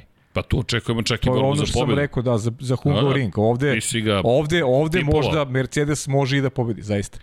I iskreno, ne verujem, a ne bih ni voleo da Max Verstappen pobedi u svim trkama do kraja. To je... Ne bih voleo da pobedi u svim trkama do kraja. Samo, s druge strane, ne kažem ni da bih voleo ni ne. Ukoliko se desi, uživajte u istoriji. Ne, naravno. Za koga god da navijete, uživajte u istoriji. Ja bih volio iskreno i da Mercedes pobedi. I McLaren da dođe do pobede. Ne znam kojim čudom, ali da dođe. Jer kada pogledaš, mi trenutno imamo poredak vodećih šest, to je fiksirano. Sedmi najbolji Lando Norris. E, ok, dopada mi se kako su se trkali McLareni. Ali startovali su treći i četvrti u Monci, gde se te, teško pretiče i završili su opet sedmi, to jest on je konkretno završio sedmi, na kraju Daniel Ricardo odustao. Kletva inače pobednika se nastavila. Da. Čekaj, pobediš jedne godine, prošle godine je to bio Ricardo u McLarenu, nećeš završiti trku, nije završio. Pobedio je Pierre Gasly u sezoni pre, prošle godine nije završio trku. Lewis Hamilton je pobedio 2019. 2020. nije stigao do cilja. Ne znam šta se dešava, ali Max Verstappen sledeće godine nek ne, pazi u 2019. pobedio Leclerc pa nije završio. Leclerc nije pa nije završio, da, izvinjam se. Leclerc pa nije stigao do cilja, to su, to su te tri, da. Da, te to su te tri. Posljednje tri sad, evo već sa, zaključno sa Ricardo. I eto sad Max Verstappen da se pita Max mora se pazi, da. Da, vidi, sim, ne simpatično. Ko, ko navija za, za Maxa da ne ide u Moncu sledeće godine? Pa i ne ide, ide u Zandvort. Da, nar, naravučenije, naravučenije. naravučenije. Ali, pre nego što pohvalimo ko je osvojio poene, ljudi, apsolutni genije, heroji, šta god želite, ja moram da ga ubacim. Šampion Formule E i Formule 2, Nick De Vries, i to sam namerno tako najavio.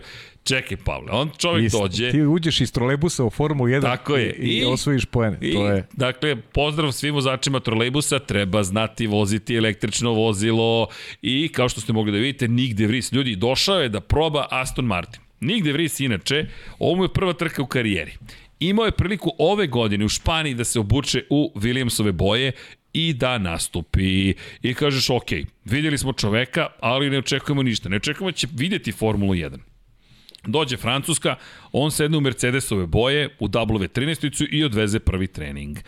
Dođe inače Mađarska i Markus Eriksson tweetuje da će kada se završi sva, sve što se dešava u Formuli 1 sledeće godine voziti Alex Albon i Nick De Vries u Williamsu. Mi gledamo, okej, okay pa Markus Eriksson se šalio. Umeđu vremenu je rekao da će Oskar Pjastri potpisati za McLaren. to je napisao Živi čovek. Istin. To se desilo, ne, neverovatno, ali istinito, sada to, to je normalna stvar, tada nije bilo. I onda dođemo do situacije sledeće, a to je da imamo potencijalni zaista odlazak u Haas. Daniel Ricardo, inače u Haasu kažu da je na spisku svako ko ima super licencu, kao što je i u Alpini svako ko ima super licencu, da je bukvalno. I onda da se vratimo na čoveka koji sada vozi za Aston Martin, dakle, Williamsove boje, Mercedesove boje, Aston Martinove boje, još važnije, tri različita bolida, da, svi imaju Mercedesove motore, pošto on rezervni vozač Mercedesa, Da bi, inače, Aleksu Albonu želimo brzo poravak. Aleks Albon da, da, komplikacije da. posle operacije slepog, slepog creva. creva da. Imao je problema sa disajnim putima, sa, plućima zapravo i mora na respirator da ide, tako da... Oporavio se, oporavio se, ide to sad na bolje i Čekamo ga u Singapuru. Čekamo, nadamo se da će biti. Pa da, da. bi trebalo bude trebalo bi da bude. Singapuru, zaista, Ako ne da. znamo ko jeste spreman. Pa Uskoči da, čovek u Monci, čeka i nigde... Jo, Joska Pito sada nije mnogo, bi si zabrinuti za zdravlje, naravno, Alex Albon, ali, ali, nije zabrinut za, za sedište. Šta će biti ovaj, ukoliko ne bude mogao. Ali da li je Albon zabrinut za pa sedište? Šalim se, on ne, ne, ima svoje Albon sedište. nije, Albon ima svoje sedište, ali šta je tu utisak u celoj priči? Protraćeno vreme sa, sa Nikolas Latifi. Šta ti je veći utisak, De Vries ili Latifi? Pa ne, ne mogu se odlučim. Ne mogu se odlučim zato što... Uh, koliko god da je lepa stvar ovo što radio Nick DeVries, opet s druge strane, shodno njegovoj reputaciji, to nije neko ogromno iznenađenje. čovek je ozbiljan jeste vozač. lepo, da, jest, jeste sve to lepo, ali sada kaže da je neka senzacija i nije. Ali da sedneš u bolid prvi put i da ti onda u treningu budeš malo sporiji od Latifija, trebalo ti malo vremena da se navikneš, kao kad ti uzmeš onu igricu pa ti treba malo vremena da... Tako njemu malo trebalo da se zagreje, malo je tu bežao zadnji kraj, malo je tu bilo problema i dođe u kvalifikaciji, ti si već brži od, od Latifija. Onda dođe trka, Malo ti se otvore ne zna- kocki, ti ne znaš- kažnjeni budu iza. Pa da, ali ti poče trka, ti ne znaš gde je Latifi uopšte. Kakav Latifi, ti Latifija, Latifija nema. Alonsa. Ti Latifija nema. I sad taj čovek koji sedi tu već koliko, koliko dugo sedi i pitaš se da li je moguće da, da je novac, da je, da je taj novac bio toliko Vredan važan toga. za Williams da su morali da drže čoveka koji, koji ne doprinosi Nema, nema, nema, nikakav, nema nikakav uticaj na, na, na ekipu. Nema ništa. Neko je lepo tweetovao. Nikolas Latifi je toliko dobar čovek. Momak. Čovek, jednostavno, kao, kao ljudsko biće. A toliko je sporiji od ostalih vozača Formula 1 da ti je teško i da ga kritikuješ na adekvatan način jer je toliko fin. Da, ali, on ali, mora da bude kako? kritikovan. Ti njega gledaš kao vozača posao, Formuli 1, tako a ne kao čoveka. Tako je. On Znaš, mora da bude to. kritikovan. uzmeš za kuma pa da ga ovaj, znaš, komentarišeš, komentarišeš ovaj kakav je čovek, ali pričamo, pričamo samo o njemu kao vozaču, znaš. A ne, samo hoću da pa kažem. ne, okej, ja tebe razumem, ali, ali šta znači to? razumi ti mene. Šta znači to dobar je čovek, znaš, mislim. Pa samo, samo to da je razumem. teško, teže, Pa i ti ja imaš smo, želju i da ga ja ne smo dobri, kritikuješ. pa ne vozimo Williams. Pa nas kritikuju. A? Jel voziš ti Williams? Ali imam plave boje, a, Dobar, dobar si reci. čovjek. Što ne voziš ti Williamsa, dobar si čovjek. ja ne mogu da stanem u kojoj, zato što imam toga, a? jedno 48 kg više nego što bi oni želeli. I samo zbog toga. Inače, kad su videli kako vozim na simulatoru, Pa Već pljušte te zvali, pod- Tri menadžera su mi se javila. što virtualna, što prava. Ne mogu ramena da spakujem u, ko- u kokpit. Ali činjenica je, slažem se, pa s tom samo sam htio da kažem da je čovjek teško ga kritikovati Sve ponekad. okej, pa ali mislim, zaslužuje apsolutne kritike. A mislim, Vidi, znaš, I treba da bude dobar čovjek, mislim. Svi volimo dobre ljude, naravno, ali ovo je, pričamo sad o trkanju. Naravno, ali vidi, ja moram da kažem da je me za mene ovo senzacija. Znaš zašto? Williams teško osvaja poene. A ovaj čovjek je ušao u, u, u kabinu tog bolida i pobedio ne samo Nikola Latifija, on je izjednačio najbolji rezultat Alexa Albona iz ove sezone. Dakle, on je na sred Monce u prvoj trci u karijeri, pri čemu ovaj bolid je testirao u Španiji, davno beše, zatim je vozio Mercedes koji je drugačiji, pa je vozio Aston Martin koji je tek drugačiji, seo u treći trening, izleteo tamo kod Lezma 1-2, kao što ja izlećem, samo što je ono malo ozbiljnije, u kvalifikacijama pobedio. Imao malo sreće da bude dovoljno kažnjenih vozača da mu se otvore stvari i završio deveti. Ali ko je Nick, Nick De Vries u, u Formuli 2, recimo? Ko, kako misliš? Šta je uradio Nick De Vries? Svoju titulu. Svoju titul. Svoju titulu čovjek. I ti kad pogledaš istoriju Formule 2, to su sve kvalitetni vozači, samo, samo stavljan znak pitanja je Davide Valseki. Da li je on taj koji, koji je Ja mislim da li da, on iskoristio zrelost neki, da, iskoristio da, neki da, da vakum, tamo nađe. da, iskoristio neki vakum u tom trenutku i svi koji su osvojili titulu u Formuli 2, svi su jako dobri, brzi vozači. I to je prava škola za, za, za neki dalji za, neki, za neku dalju scenu za, za nastupe ne samo u Formuli 1, nego bilo kom takmičenju. Jer ti, ti tebi kreira, sebi kreiraš tu a, visoke mogućnosti. I ovaj momak koji je sad postao šampion Formule 1 takođe je jako dobar vozač. Mislim na Filipe Drugović. Naravno. Tako i Nick De Vries. E, iz, iz tog pogleda mi nije sad neka Razumem te. senzacija, znaš, ok, mislim, kad uđeš posle toliko vremena, se, ti, ti u stvari voziš prvi put trku Formula 1. Tako je. Prvi put voziš trku Formula 1. Ali imaš neko, imaš ogromno preznanje, imaš, imaš znanje ozbiljno. Ne preznanje, nego imaš ozbiljno znanje. I onda si samo to iskoristio, ono što smo govorili kad, je, kad smo saznali da Albu neće voziti. Ovo je trka života za Nika De Vries. On je možda sebi kupio sada ulaznicu u, u Formulu 1. I pretvorio je u to. U trku svog života. Jeste. Bukvalno je pretvorio trku svog života. Ti kada pogledaš, možeš samo kažeš ok. Zaista možeš kažeš ok. Da. Ovo je čovek, ja, zato ti kažem šta je meni senzacija. Ti si u pravu, kada pogledaš rezultate ti treba da očekuješ od nekog. Pa da, ali, priča, pričamo sad, ali- pričamo isto u stvari. ali, ja. da, da, pričamo ali, isto. Ali u ovim okolnostima, u, u, u Williamsu, u ekipi koja, ne, ne, koja jedva osvaja poene, koja je morala trikove da izvodi u Australiji, da menja gume krug pre kraja, da bi uspela nešto da učini. U timu koji ima Nikola Latifi koji sporava i razvoj te ekipe, da dođe do toga da jedan momak kao zamena, kao zamena zamene, zato što njegov trebalo negde drugde da bude, dođe i kaže, ej, čekajte, ja, ja ću ovde da uzmem poene. Pri čemu se on trkao sa Fernandom Alonsom, to je ono što je mene oduševilo, on se trkao sa ozbiljnim trkačima. I, i da se on nije bio 10 sekundi, izvini, nije bio 10 sekundi iza na, na, na devetoj poziciji, I da se, bio tu. Da se razumemo, uh, on nije menjao gume na kraju. Ne. Ali da ih je menjao bi bio deseti. Uh, uh, on, ovako je bio devet. On je napredovao samo jednu poziciju. Tako je. On bi ostao deseti i da je menjao gume. Ovako je ovako je nadoknadio jednu poziciju bio je deveti. To je, to je neki benefit toga što nije menjao gume. Ali bio osvojio poene svakako. Ba, fan, fantastično, bukvalno fantastično. Ja sam potpuno dušenjen i s razlogom je proglašen za vozača dana. Da, eto, Kupio ja, ja nešto sam ja rekao, ti si ovo rekao, ja negde sam ga i zaborio. Ja mislim da si ti le, ja sam, ne, Sainz, Sainz, Sainz, Sainz ti, ti si znam da je rekao iz Ferrari. Bio da, da, Sainz sam rekao. Vidi, nema greške ni sa Saincom. Pa ne, ne ali ovo jeste, upravo, ovo je, mislim, ovo jeste. Ti ga pogledaš i kažeš, šta sad se, e, i znaš šta je sad ovo? Markus Eriksson. Pa da li stvarno Ostka pitao da kaže, ej, neću ni, ipak nikada Evrisa. Ej, da, još jedna bitna stvar. Ovo se spaja sa pričom sa Williamsom. Porsche je dan da, pre, da, da. pre trka rekao mi prekidamo saradnju sa Red Bullom, to jest da, nećemo pre, uspostaviti razgovore, da. razgovore. Red Bull koji se oglasio takođe i rekao ono što smo već mi pričali pre toga, da je da počinjemo da ne verujemo da će se ikada desiti to saradnja. A prošlog, prošlog smo ovde pričali, da. I to se je ostvarilo. Jeste. Zašto? Pa opet ta priča. Christian Horner kao izvršni direktor kompanije, ne kompanije, već trkačkog tima i šef tima. Ali ima jedan zarez, izvini. Ima, da? ima jedan zarez. Kaži. Audi. Čekaj, čekaj, čekaj, čekaj, čekaj, čekaj, čekaj. Sad, sad ćemo da dođemo i do Audi. Ali samo da potvrdimo. Dakle, Helmut Marko i Adrian Newey Pazi ti taj triumvirat koji je rekao ne damo našu ekipu, to je njihovo.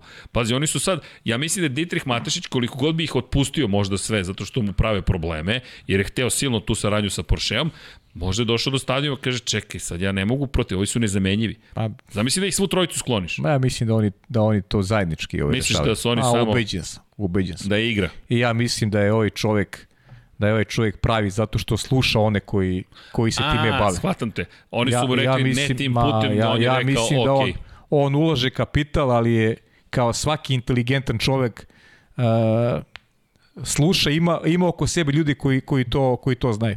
I meni tako deluje cela priča Red Bulla.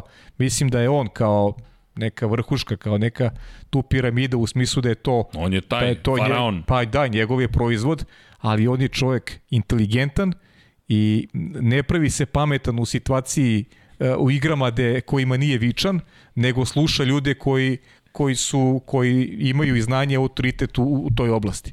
I, i zato, zato Red Bull jeste uh, jeste najbolja ekipa danas. Izvini, nisam video poruke, ali Milan Bačić, 10 eura je čovjek donirao. Hvala Milane. Pozdrav najboljoj ekipi od svih kamionđe i samo tako nastavite. A, pozdrav, pozdrav sve kamionđe. kamionđe. Znaš šta ću sad da uradim? Svi kamionđe ovog sveta ujedinite se. Tako je, počeo sam da vozim GT sedmicu. Smenjam banjac, mada slikom je sve sa stomakom i ćelom. To ćemo, to ćemo da razgovarati. To je ne, ne znam gde je otkrio jedno i drugo. To je, to je neki čudan kadar. To je Baki namerno uradio. Baki namerno, da. Ali, ali, ono što je bitno, sad ću da nabavim trak simulator, pa ću da vozim kamione u simulatoru, da vam se pridružim, tako da pozdrav za sve kamione. A šta kažeš? Sviđa Moram da vidim da li u GT7 ima kamiona. Ako ima kamiona, ja, trke kamiona. Jeste nekad gledali trke kamiona? A u Vanja, pogledaj to. Može budemo Paja i Jare.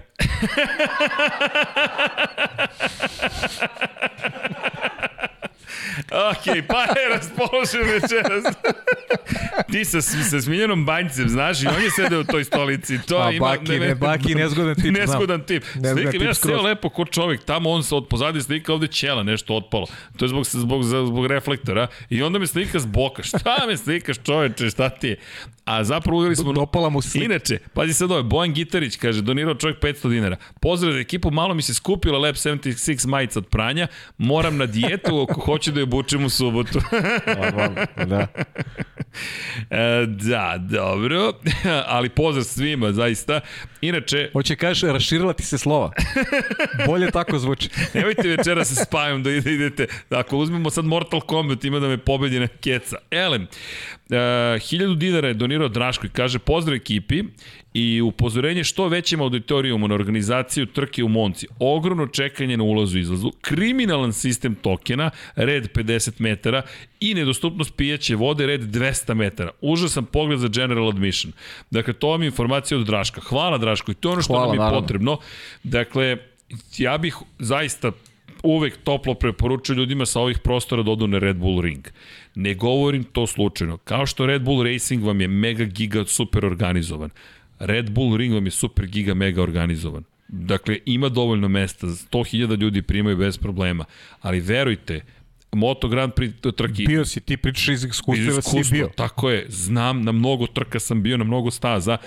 Kada pričamo o organizaciji, ne postoji bolja organizacija od Asena i Red Bull ringa. U Holandiji 100.000 ljudi negde nestane iza kulisa za 12,5 sekundi. I šta se dešava? Na Red Bull ringu 92.000 ljudi ove godine za Moto Grand Prix nestane ovako. Nesta, nema gužvi, organizovano je, funkcioniše sistem. Napravili su nešto što je zaista posvećeno tome da uživate. Inače, zašto bih vam pre preporučio Asenu ukoliko ste malo opušteniji? U Asenu žurka počinje u četvrtak. Kada kažem žurka, taksisti uglavnom rade do 8 ujutro, do 8 ujutro da napomenem, zato što uglavnom razvoze ljude sa žurki iz grada, iz Asena, po lokalnim, selima, lokalnim selima gde se spava. Sad vi sami zamislite kako izgleda ta žurka, ali taksi ćete teško dobiti ujutro zato što su ljudi tad završili smenu. Zaista, ali ćete se super provesti. Eto, topla preporuka. Hvala Bo, Draško za, za ove informacije i hvala Bojani, hvala Milane. Da, apsolutno, inače, ne znam da li smo Ma da, ovo smo, pro, to je bilo prošle nedelje, da, da, da, da ne odlutam negde, izvinjavam se, ali činjenice, gledam samo da li je datum dobar. Okej, okej. Ali činjenice zaista da, da treba podeliti ta iskustva, pa ja ćemo pripremiti mali video za sve koji dolaze u Beograd, da vam kažemo šta da radite ukoliko ste ovde. Hoćemo, hoćemo. I obavezno. nemojte da brinete. Dakle, potrudit ćemo se zaista da to pre subote bude dostupno, da, da možemo da vam pomognemo dok ste u Beogradu, da se lepo provedete. Red Bull Show Run stiže, zaista uzbuđeni smo svi, jedva čekamo da vidimo bolid na ulicama. Da, i mene raduje baš toliko poruka da ljudi iz regiona dolaze i, Super. i super, to će baš biti jedna velika žurka. I Svetogorska 46, dakle, potražite na Infinity Lighthouse na Google mapama, to je najlakše, tamo smo, dođite, svratite u subotu pre podne, bit ćemo tu, bit će ekipa tu, nemam pojma kada ću odavde da krenem tamo, pošto smo mi zvanični deo programa, kada će Pajak ka Novom Beogradu, ja, ja ne znam, možda nećeš ni biti ja, ja ne ovde, znam, da. Ja ne znam gde ću biti uopšte. Mislim, mogu dođem ovde pre podne, to nije sporno. Malo da se Da družimo. se družimo, ali, ali stvarno ne znam kakve su im obaveze. Nemam, nemam pojma. E, ljudi, e, trenutno se dosta toga događa, pa nemamo mi precizne informacije zašto. Ceo grad će biti zatvoren, tako da to moramo da vidimo. Kako se prebaciti, da li idemo na Novi Beograd, da li će nam studio biti na Trgu Republike, u čemu je stvar? Bezbednostna situacija je takva u kontekstu toga da kada se vozi bolid Formula 1, sve mora da bude savršeno pripremljeno. Dakle, danas su Drift Brothersi dali zeleno svetlo za driftovanje po Trgu Republike, čekamo Red Bull Racing Team koji dolazi za dva dana, koji će proveriti trasu, mora da bude sve osigurano, svaki šaht zavaren, sve provereno. Trole bi, trole bi išle, ali nigde Vries ne može doći. ja, jao, dobro, dobro. Sad je u Williamsu i nema ko da vozi trolu.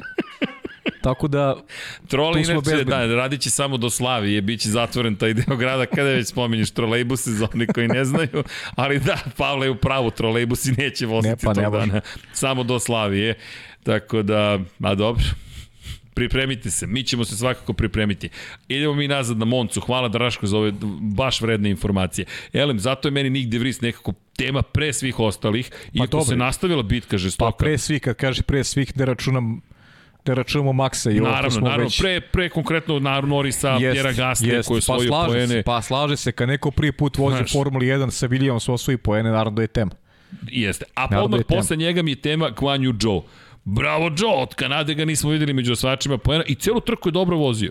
Baš je dobro vozio, Šta, trkao. šta sam ja rekao u petak da Alfa više neće osvajati poene? Da, tako, tako je, tako je, rekao, tako da. je. I to ne u petak, mislio sam i ranije još, ali Jeste. evo, svaka čast. Ej, I drago mi je što je baš Guan Yu, jer Bottas kad osvoji poen, to onda kažemo ok, očekivan. to je to, da, ali svaka Lepo čast za. Kineza, lepo. Baš je lepo. lepo. Na je Monci osvojiš poen sa, sa Alfom koja je značajno slabija u odnosu na početak sezone. Za respekt je ozbiljan. Pa evo, pogledaj, Joe koji nije kao ni De Vries promenio gume.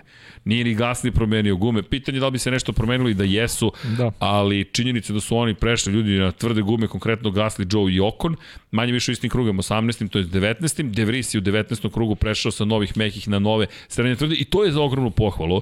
Nick De Vries je imao jedinstvenu strategiju. Sa mekim je vozio kao vodeći. Dakle, Verstappen je jedini izdržao duže na mekim gumama, 25 krugova, De Vries čak 19, Ocon takođe 19 i onda De Vries prelazi na srednje tvrde baš agresivan Williams. Svaka im čast. I on je to uspeo da izvede. Fenomenalno. Jeste. Baš lepo. I John pohvale, srednje tvrde pa na tvrde. Takođe jedna dobra strategija na kraju to ispala. Bravo za Joe. I za, za Alfa Romeo koji je pratio šta rade ostali.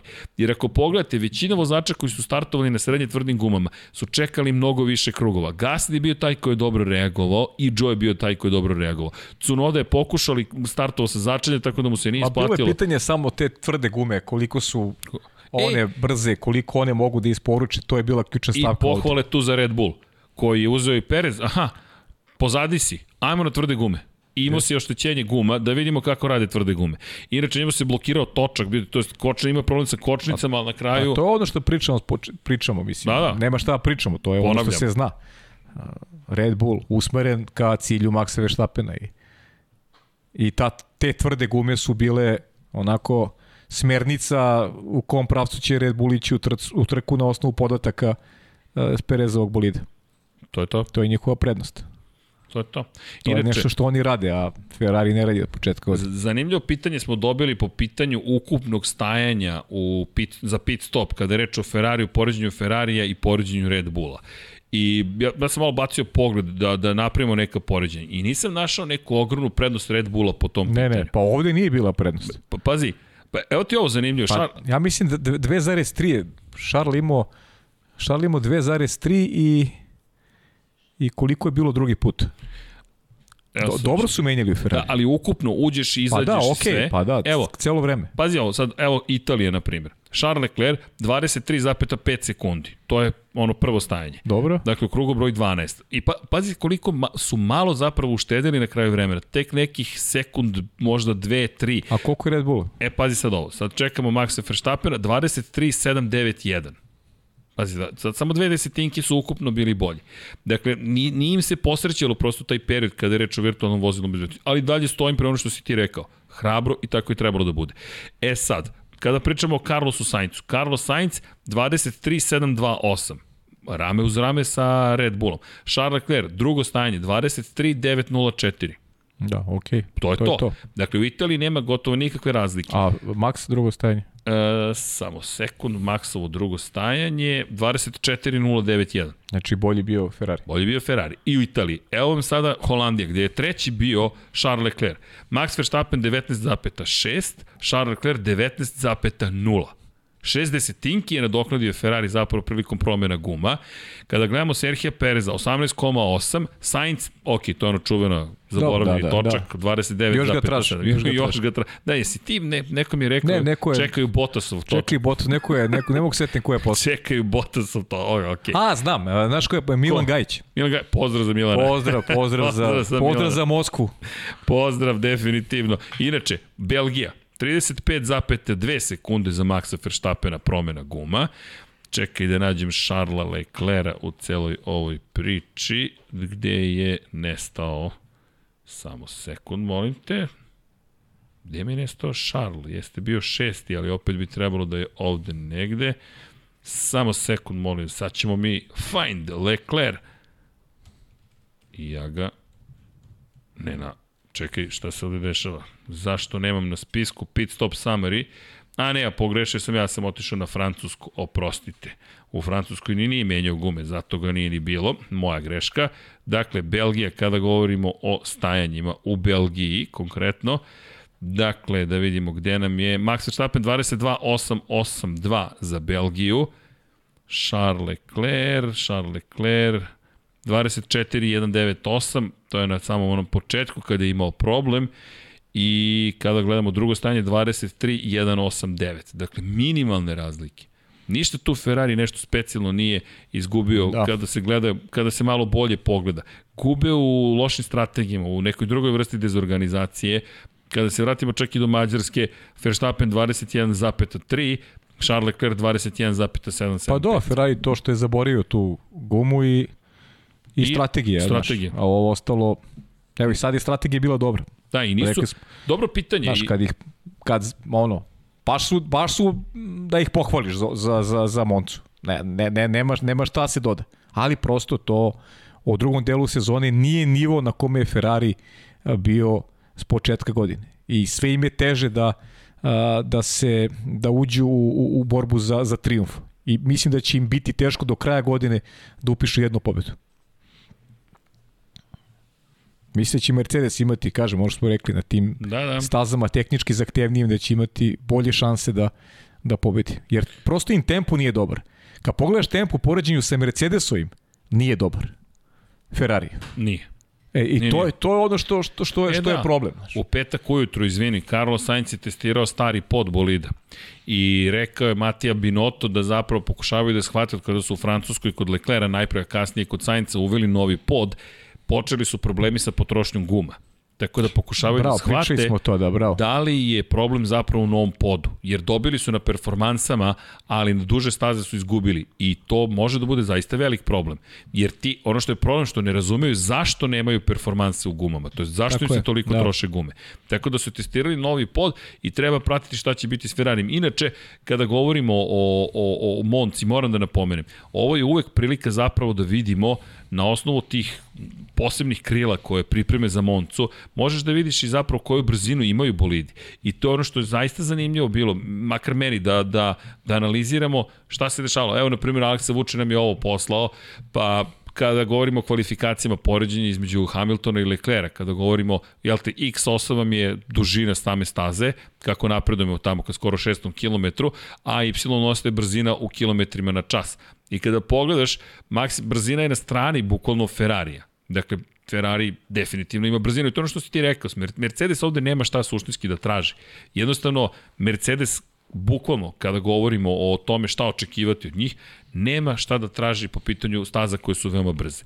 Međutim, ono što jeste bilo interesantno, jeste bilo videti zapravo ko tu je odradio najbolji posao i moram priznati da me raduje što Ferrari nije zaostao kao što je bila situacija u Belgiji. Znaš, u Belgiji smo imali situaciju koja je bila baš problematična. Ovde to nije bio slučaj. Imali smo sjajnu borbu i čestitke na pol poziciji Charles Leclerc. Charles Leclerc u, u kvalifikaciju. Mislim, mislim da kvalifikacijni krug nije sporan uopšte. I nije. Nije sporan. Sporne su trke. Tvrde gume. E, njima su trebale dve trke da, da, da dođu do uh, do spoznaje da, da moraju agresivniju strategiju da imaju kako bi eventualno parirali.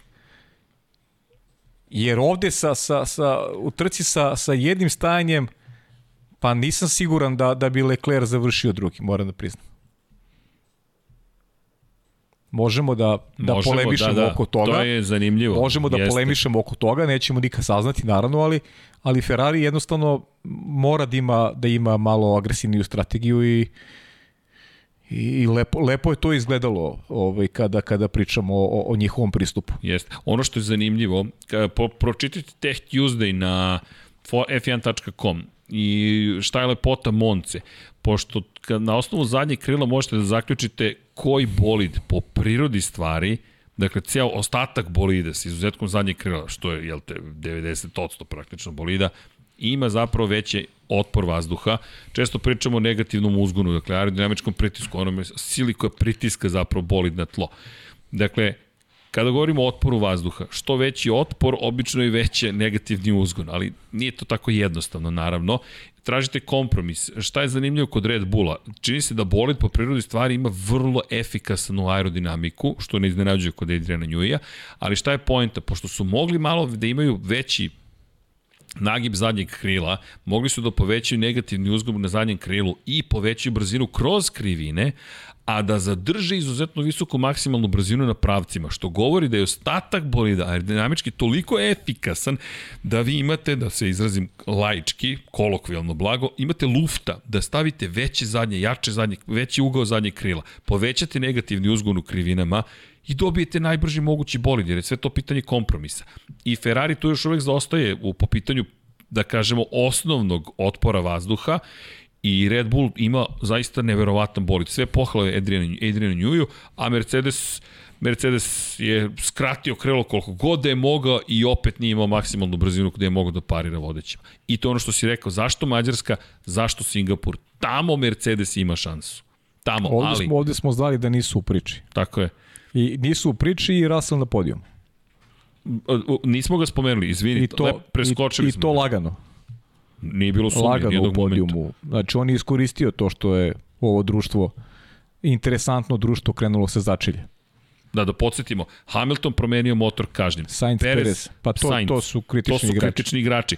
Cunoda je takođe imao i kazne pa dobro, i Bottas imao i tako dalje, ali to nešto što ne dotiče Russell. Russella ne dotiče. Ali ova trojica, to su ti tri vozača i pride Max Verstappen pomeranje pet pozicija Pomis, nazad. Da, pomisli smo da možda, da možda Norris može u nekom skodno poziciji da, da McLaren možda ajde, podsjetili smo si rezultate iz prošle godine, ali prosto McLaren nije ekipa iz, iz prošle godine i nije bilo realno da, da, da Norris uđe u borbu za podijum.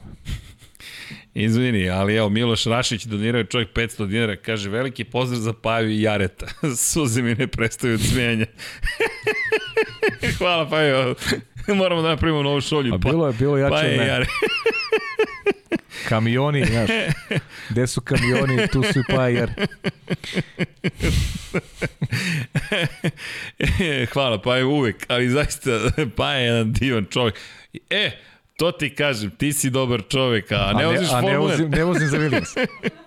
To ti je, znaš. Zweistein, inače donirao čovjek 500 dinara, izvini, pozdrav za najveću ekipu i hashtag Red Bull Team. Evo ovde, Red Bullovci su tu. Mada, moram ti reći, s druge strane studija je uh, Ivan Toškov, naš pokrovitelj, ta ekipa je za Ferrari. Iako ne bi rekla možda po crnoj boji majice, ali Ferrari... A imamo i McLarena ovdje. Imamo i McLarenovca. Pa, mladoženja. Mladoženja. Rešio da se ženi. Ti tražio pare. A? Ti tražio pare. Nije odložio, na, na neodloženo, kao i svadba. Kao i svadba je neodloženo, tako Čekaj, i pare. Čekaj, a gde ste smešteni, izvini? Kako? Kako, pa gde se nalazite trenutno? Aha, vas je baš čudno. Da. Čudno, a kroz tu ulicu, a gde prolazi bolid Formula 1, izvini? to je to. Soba s pogledom na šta, na bolid Formula 1. Ok, to je najbrža ljubav. Ali zaista pozdrav Milošu i Dragoj naravno. ali dobro, ej ljudi, ne, ne, me u subotu se ovdje družimo, rekli smo vam, dakle, pravimo žurku, stvari, koleginica iz prodaje će mene izbaciti, Vanja, Vanja me gleda s leve, sa desne me gleda koleginica iz prodaje. Ubiju te pogledom, ja sam ovde kao barijera, ti ja, ja te štitim. oni pogledom. Ja te štitim. A ti si mi se ko jezikom, tako da je sve u redu. Čekaj, Vanja mi šapuće, slack, slack, to sam sve sam pročito. Imam još nešto. Troubleshooting da ne može da se pristupi sajtu, da nam nisu oborili web sajt. Uh, Infinity Lighthouse. Pa nemam pojma, evo ja meni pristupa i Shop i Infinity najnormalnije. Aj probaj. Kako neće? Pa možda je neki DNS, ovaj, evo klikni na ova dva, molim te Vanja. Ja se zaista izvinjam, evo, trenutno, znate šta, možda su neki DNS-ovi danas uh, u problemu. Kako? Svima radi. McLaren ne, pa da, McLaren, ne radi. ne radi. McLaren je u kvaru, zato. McLaren ne radi. McLaren je u kvaru. Ricardo parkirao, pa ne radi. Pa možda je neki DNS negde problem doživeo. Kako? Pa to je okej, okay. kod 200 HTTP response. Okay, pokušat ćemo da rešimo da imamo kakav je problem. Hvala što ste nam prijavili.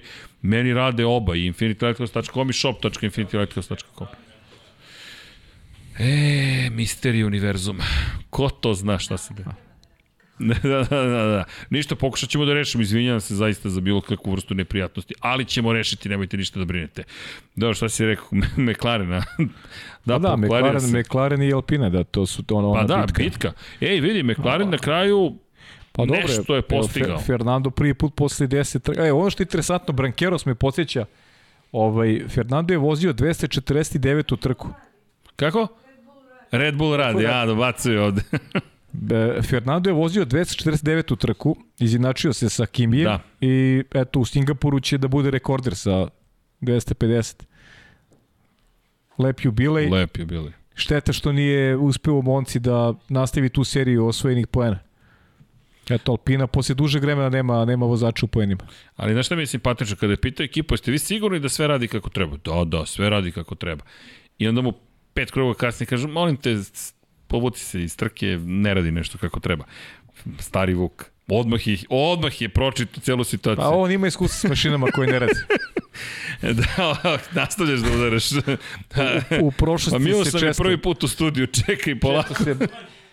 da, da, Sjeti da. se Miloš tog perioda sa Batonom, nije baš bila ovako sjajna era u McLarenu. Da, u svakom slučaju vidi, čestitke Fernando Alonso na svemu što čini. Mene je oduševilo zaista to što on zna bukvalno šta se tu događa i ti gledaš čoveka i, i, i čekaš informaciju i onda dođeš u situaciju da kažeš čekaj.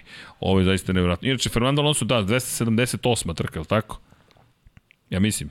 278. Da. 204, 349. 300, ne, trke koji su završili. A, A ne, ovo nije završio, da, 349 ukupno. Da, ukupno, da, da, ukupno, da okay. ukupno. Dobro, ukupno. zato što znam da je i po tom pitanju izjednačen sa Kimi Raikkonenom po broju trka koje je završio. Završio, da. Da, da. Jer je trebalo da postavi novi rekord 279 završena trka. 350 trebalo. je u Singapuru. Tako je, ali dobro 350 u kojoj je prijavljen i ako završi u Singapuru, oborit će dva rekorda. I broj završenih trka i broj trka u kojima je učestvovao.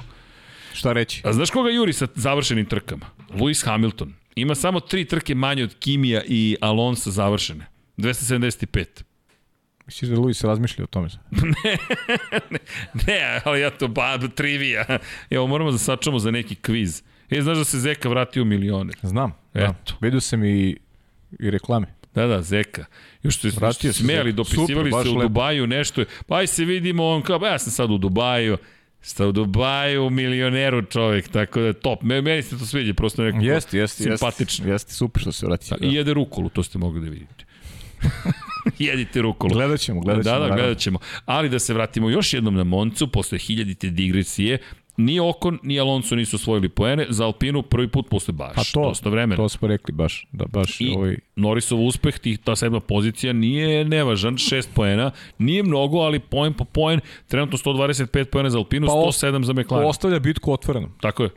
U trenucima kada je Alpina konstantno tu prednost činila većom, činila sebi situaciju mnogo ovaj, boljom.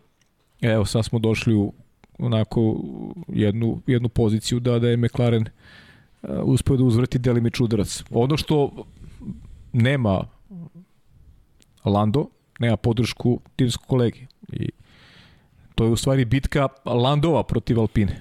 Jeste, ali ima još jedna stvar. Možeš, Vanja, da nam prikažeš promene pneumatika. Ni Daniel više, Daniel kao da, ako obratite pažnju na Ricarda, Ricardo tamo na, na, na dnu, vratite pažnju na Norisa. Ricardo je u 19. krugu morao da menja gume. Sad ono što se postavlja kao pitanje, koja je bila tu strategija sada ekipe, da li i u jednom trenutku je pokušavala ekipa da skloni Ricarda da, da pomogne Norisu, to se baš i nije dogodilo, pa mislim da je ekipa svesno odustala od, od, od toga i da zaista pokuša Norisu da pomogne na sve moguće pa, načine. Da, to nije logično. To je i u redu, ne, nemam nikakav problem sa time, samo konstatujem, ali Lando Norris, ej vidi, sedmi, sedmi, sedmi, sedmi, sedmi, manje više, on je tu. Ako pogledaš, malo pažljivije. Pa pogledaj rezultate dok je Ricardo bio u ekipi, po znacima navode, Ne, ne, ne. bio, bio, Ne, sa ne može da statusom, poredi. bio sa statusom. Čekaj. Sada je potpuno logično da, da ekipa podržava isključivo Landa. Lando ima neku svoju poziciju i ona jeste realno s pozicije 7 i u šampionatu i u trkama i tu sedi. Bukvalno je tu, tako da Norris ide Pa kako smo. najbolje od ostatka sveta. McLaren radi dobru stvar. Otvorila se mogućnost da angažuje jednog mladog talentovnog vozača, to je sad Nick De Vries. Pričamo o Za momku Williams. koji je osvojio titulu u Formuli 3 u Formuli 2. Takav momak treba da treba se potrudiš od njega da ga odvedeš. Mislim na Piastrija. E, to, da, izvini, ne, To je završi, to. ne završili smo priču. Apropo Porschea, ja sam ko zna gde odlutao, ali Porsche, pošto ne sarađuje sa Red Bullom, gde sada? I onda, ono što si ti rekao, a šta će biti sa Audijem? Pa da, Jer ti sad imaš oba Pa znaš zašto? od Svagenova komentarisali smo izjavu doktora Helmuta Marka koji je, koji je rekao, ok, te izjave doktora Helmuta Marka uvek sa dozom, zadrškom, s dozom. da, sa zadrškom, da, da nije Honda jedina koja, Opcija. koja može da bude partner da od 2026. I onda ko se, ko se nameće tu kao logičan možda izbor ako, ako već Dosta ne je bude Honda, vrlo jednostavno, Audi. Audi koji je obelodanio da ulazi u Formulu 1, a ne znamo s kim će Audi sarađivati, s kim će ući u to, ta partnerstva. S druge strane, Porsche i tu je sad enigma da li je to Williams, da li je to Zauber, videli smo, da šta je interesantno, kada smo videli Petra Zaubera posljednji put? Na stazi. Videli smo ga davno baš i sada. Evo sad, pa sad je sada bio, zato ti pojave, da, da. Pa bio je zato što je, zato što je važno da bude, očigledno. Petar Zauber je tu kad, se, kad je nešto važno. I verujem da ćemo da ćemo neke odgovore dobiti do kraja do kraja tekuće sezone, a baš su onako ozbiljne spekulacije vezane za, za Porsche, za Audi. Ja i dalje vidim Red Bull u saradnji sa Hondom. Jer mislim da ta vrsta partnerstva najbolje odgovara Red Bullu. Pa Jer ja ti, se slažem. Ti Porsche, ja to... Porsche, Red Bull i Porsche, ti vidiš Kristijana Hornera u tom timu u budućnosti u varijanti da Porsche ima većinski pa, deo. Jedino je pitanje da li Honda zaista želi da ima fabrički tim u potpunosti koji proizvodi ceo bolid. Ja ne vidim, po, Honda je rekla da je, da je to neka njena težnja želja, ali ja ne vidim potrebu za time. To su već probali x puta. Pa da. Sad imaš pobedničku kombinaciju, imaš tim. zašto kvariš? Imaš to? tim, a imaš uh, Red Bull ti pomaže da tvoj brend bude opet, bude, bude, opet bude najbolji. Čekaj, samo ajmo perspektiva, Sena Projekt, prethodni Hondin šampion je bio Ayrton Senna pre Maxa Verstappena. Ja mislim da dovoljno rečeno. Ti sad imaš Maxa Verstappena koji je najnoviji Hondin šampion yes. u rečenici sa Ayrtonom Senom. Šta želiš više od toga? A pritom ti nastaviš sad saradnju sa Sakurom, razvija se rečnik zajednički, razumevanje, imate iskustva, poznajete tehnologije jednih drugih, da prilagodili ste se, da, pobeđujete. Da si neko u Hondi, aj sad imamo poziciju da pričamo, da si neko u Hondi, da li bi ti odgovarala ovakva uloga? Apsolutno. Ova, samo da se zove Honda, samo da, da bude zvanično, da se zove, ništa drugo. Je, samo bude zvanično Honda. Samo Honda. Sve je okej. Okay. HRC i dalje stoji. Evo, vi ste ti koji ste nastavite I, priču i sve u redu. I sad pazi, ono što, smo, što, što sam rekao u prenosu, od meni to sinulo u jednom momentu kao zastrašujuća ideja. Ti imaš multigiga korporaciju koja se zove Red Bull. To je ljudi ozbiljna korporacija. Ozbiljna multinacionalna korporacija koja postaje zaštitnik nezavisnih timova Formule 1. Zašto? Ferrari proizvodi i šasiju i motor, od uvijek je tako bilo, Ferrari je Ferrari. Mercedes proizvodi šasiju i motor, ali istovremeno ogroman proizvođač automobila. I Ferrari, ali druga priča, sportski automobili su u pitanju. Renault, to je Alpina, ogroman proizvođač. To su sad tri tima od 10 timova. Aston Martin sarađuje sa Mercedesom, ali opet to je nek, vuče ka nekoj drugoj priči. Međutim, nisu nisu u borbama za titule šampiona, oni su negde na začelju. Williams je na začelju, Haas postoji kao tim koji se, jel te, bavio, to je trka se u Americi, sada se trka ovde. Ne znam koje su šanse da ikada budu šampioni. Zaista, jedino da se desi 2009. iznova, Bron nekim čudom da se desi. Dolaziš do toga da imaš Alfa Tauri koji je rezervni tim Red Bulla, ideš ka McLaren Mercedesu koji još uvek nije na tom nivou i koji jedini bi mogao sa, uz rame uz rame sa Red Bullom da stoji tu i onda imaš Alfa Romeo, to je Zauber koji tu negde tavori i, i ne vidim nikakav suštinski napredak od njih i onda dolaziš do Red Bulla. Red Bull se bori za titulu, a on proizvodi bolide, neko drugi proizvodi motore. I sad, naravno, oni su sad ušli u proizvodnju Power Trains, ali dalje se u Japanu proizvode. I sad razmišljam, čoveče, Formula 1 koja je bila konceptualno takva da imaš konstruktore i proizvođače motora i da ta kombinacija McLaren Honda, McLaren Mercedes, McLaren Tag, dakle šta god je suština negde nastanka Formula 1. I sad Red Bull koji ostaje to, Red Bull Honda To je kombinacija. Red Bull Honda, ali se sad sad samo Red Bull. Zato mislim da si ti 100% u pravu, jer mislim da oni mogu to i da prodaju kao lepu priču. Ko je čuvar istorije Formule 1, a istovremeno ima najmlađeg vozača koji se bori za titule, sve da, se to je, okay, to je neka teorija naša, ali ostavljamo naša, taj zarez uh, Audi, Audi isto nije neinteresantan u nekim uslovima koji bi Red Bullu odgovarali, tako da Mm. Sigurno Ali... se, da se Red Bull neće odreći toga da oni budu ti koji će da, da diktiraju uslove i da oni budu ti koji su u tom konceptu broj 1. Ono Ko bude je... pristao tako da sarađuje sa njima, mislim da ima dobar upliv u, u neku priču koja možda bude plodonosna. Zašto je Audi takođe mnogo bliži možda konceptualno? Zato što je Audi rekao mi nemamo nameru da proizvodimo bolide. Mi hoćemo da proizvodimo motore, pogonske jedinice. I ono što je, što je, što je sa druge strane kontrateg kod Audija, to što su oni već navodno na putu da kupe 75% Zaubera, to je Alfa Romeo, to je Zaubera. Ukoliko se to desi, ti zapravo upravljaš proizvođačem bolida, a proizvodiš samo motore. Ti sutra možeš da kažeš ne treba nam više ovih proizvođača automobila, mi ćemo to da prodamo. Ali si i dalje ostao proizvođač pogonskih jedinica, međutim to se onda ne uklapa u priču sa Red Bullom koji želi kontrolu. Tako da, Vidjet ćemo, svašta se priča, ima mnogo ovaj, zanimljivo. opcija i jeste zanimljiv period i pred nama definitivno. Ali to za Zaubera što si rekao, to je sjajna obzervacija, jer Peter Zauber dolazi kada je politika potrebna. Dakle, Pa da, pa dobro, to je to je brend To koji to je brend koji on napravio. jeste, Alfa Romeo nije njegova roba. Tako je, nije, nije. I Alfa nema Romeo to je to je gotova priča, to Tako je. je. Lepo je bilo dok je trajalo. koncept i vrlo moguće da je da je to Audi u stvari. Ali ajde, vidjet ćemo. Ajmo, ajmo. Dene, super je, Dene, ali, ali Ima interesantno, da ne zaboravimo je to, tu da. priču. Nije mala priča, jednostavno nije da je mala Porsche priča, objavio, izvini, samo da je objavio zvanično da se to neće desiti. Znaš, samo hoću, hoću ti kažem da, da imat ćemo sad dovoljno vremena, upravo se A, bavimo tim pričama, hoćeš. znaš. Svat, sad sam shvatio, naivan sam. Za tri nedelje je sledeća Ha, trka, da. imat ćemo vremena o čemu da pričamo. Pa dobro, smislit ćemo. Imali smo iznenadnu gošću večeras, tako da ko zna šta vas čeka sledećeg utorka. Da. Tajanstveni gost. Pogodite ko je Dom Pablo. I zašto ga više nema u studiju? Zato što dolazi publika. Upravo to. Tako je. Mora da Pune sakreće, tribine, Pune, pune tribine. tribine. Ništa, moramo čoveku da kažemo kaci ga ponovo na glavu, or trkačko delo, pa doći. Kao stig jednog dana da sedne ovde i da, da, da, da ljudi shvate da je to Max Verstappen Ko je Igor Marković kada je bio sa s odelom? sa odelom. Ok, pa kada je reč o ostalima, ne bih nešto previše Ne bih te previše zadržao, a? reči, ali, ali Pierre Gasly pohvale za Alfa Tauri koji je na poen sada u šamp... Doći ćemo do Pierre fantazije. Gasly. Doći ćemo do fantazije. Moja upornost i vera u Pjera Gaslija se isplatili konačno. Konačno. Osma pozicija, bravo. bravo. Pjer, moramo napiši neki mail da se zahvalimo. Ovaj. 33 poena u šampionatu konstruktora, poen manje od Hasa, koji petu trku za redom nema poene.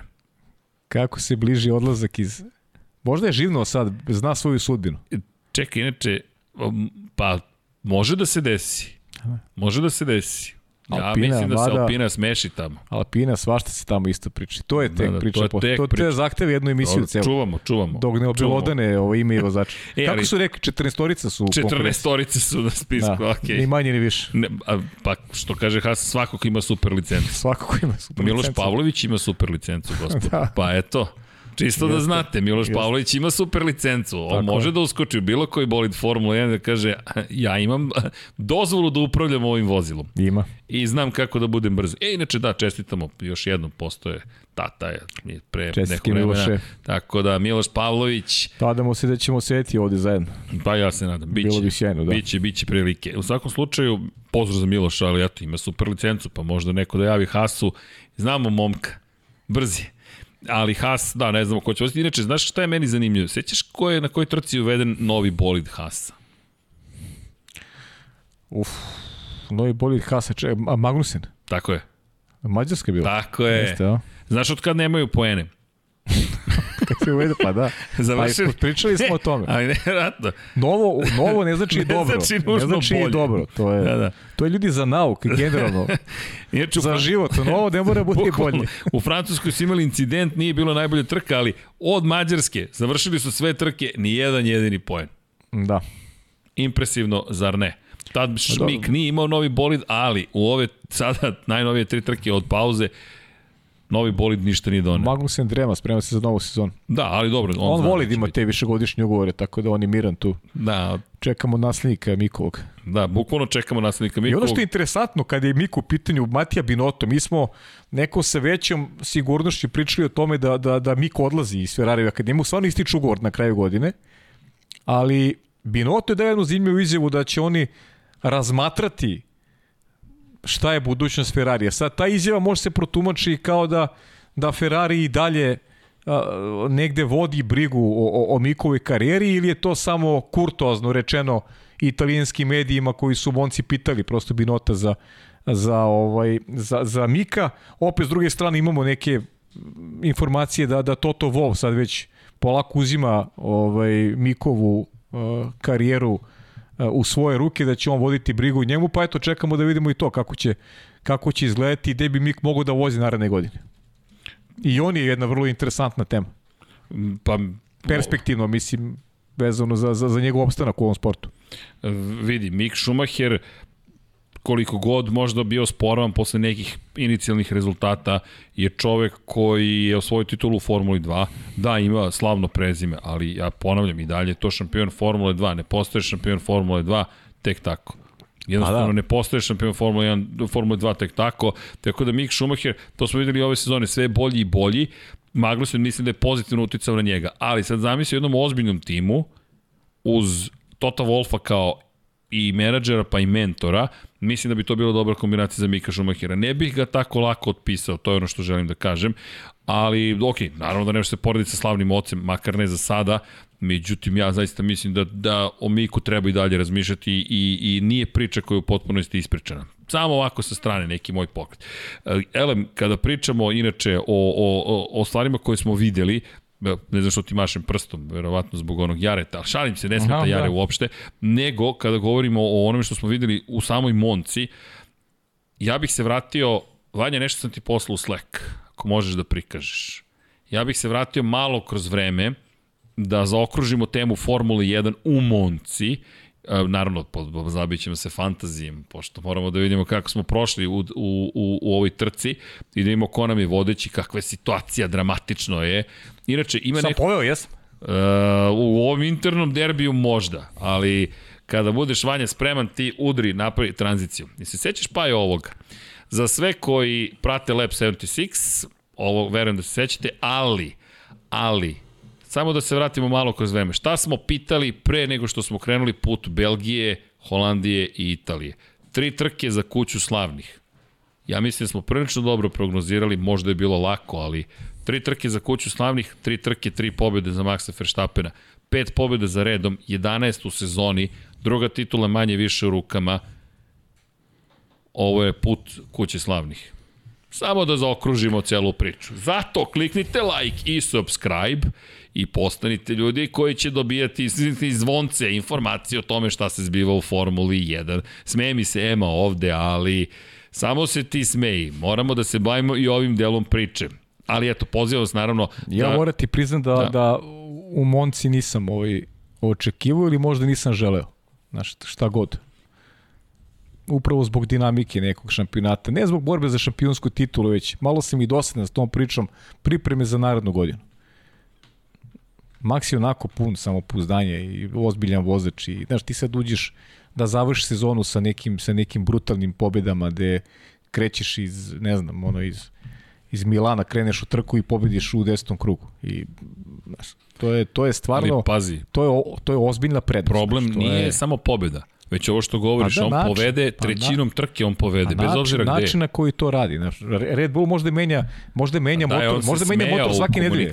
Svake nedelje mogu da menja motor. I da imaju pet pozicije kazni i baš Svake nedelje mogu da menja bez ikakve problema. Pa možda ti to dobra strategija za sledeću godinu. U jednom momentu samo ubaciš još jedan motor, pa trpiš 10 pozicija kazni ili kreneš se začanje negde znaš da ćeš pobediti, postaviš, postaneš prvi čovjek u istoriji koji je krenuo sa začanja pa ne, ovako, pobedio. Ovako možeš to da radiš. Pa možeš, igraš. I, sma, I smanjiš rizik, ti stano stavljaš, staviš neke nove komponente, smanjiš rizik, Citiraću... A, a pritom imaš, imaš kvalitet, imaš kvalitet vozački, imaš kvalitet tima i činiš i, i svoje pobede činiš moćnijim nego, nego, nego što jesu.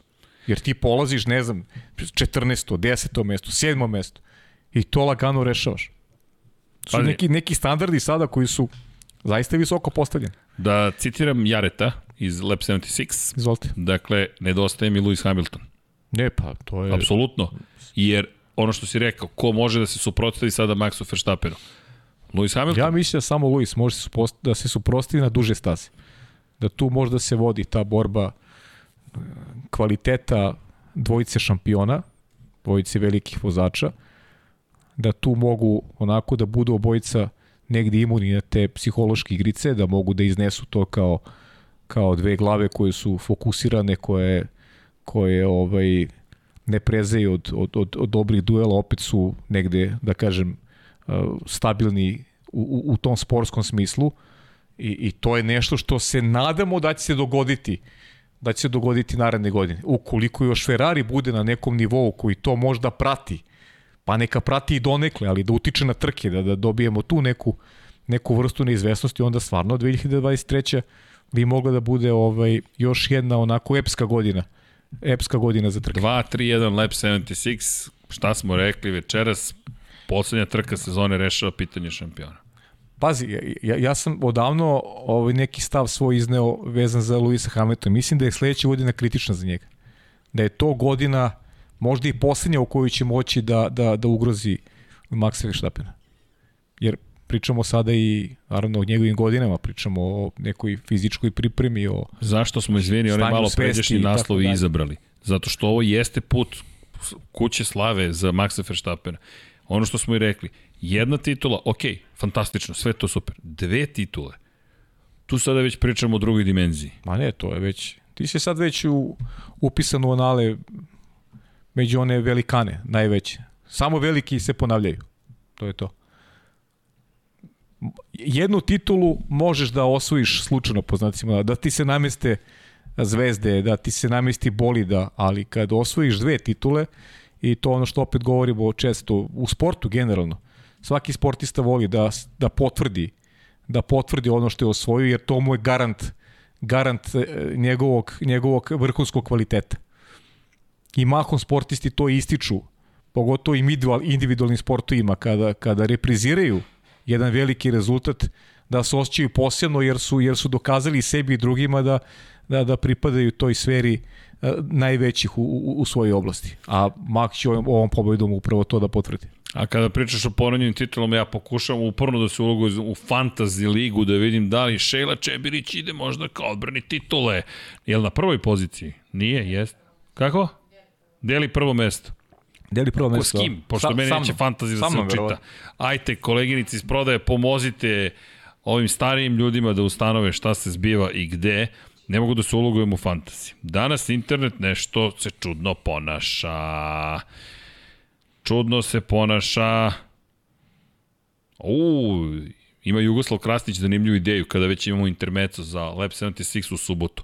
Imam predlog u subotu na Red Bull Show Run da napravimo porodičnu fotku. Svi mi koji ćemo doći u Lab 76 majici. Oa, kung fu fotka. Pa to mora. Pa to nećemo da stanemo svi. To, to, to, vidi, na, da, javit ćemo gde ćemo i da se nađemo. I pre i posle. I onda jedna fotka za istoriju. Dakle, pitali smo da li možemo da imamo... Morat ćemo ispred skupštine, mogu Da, svi da, da, stanemo. inače, pitali smo... da, da, vidi, nismo prijavili skup, tako da ne znam da li smemo da se... Po... Da, inače, to je ozbiljan, ozbiljna situacija. Čekajte, hvala vam. Opa, jel mogu ovde da radim i search? Ma top, evo sad imamo situaciju. Dakle, rešava sve ekipa Levsenci. Slušaj sad ovo.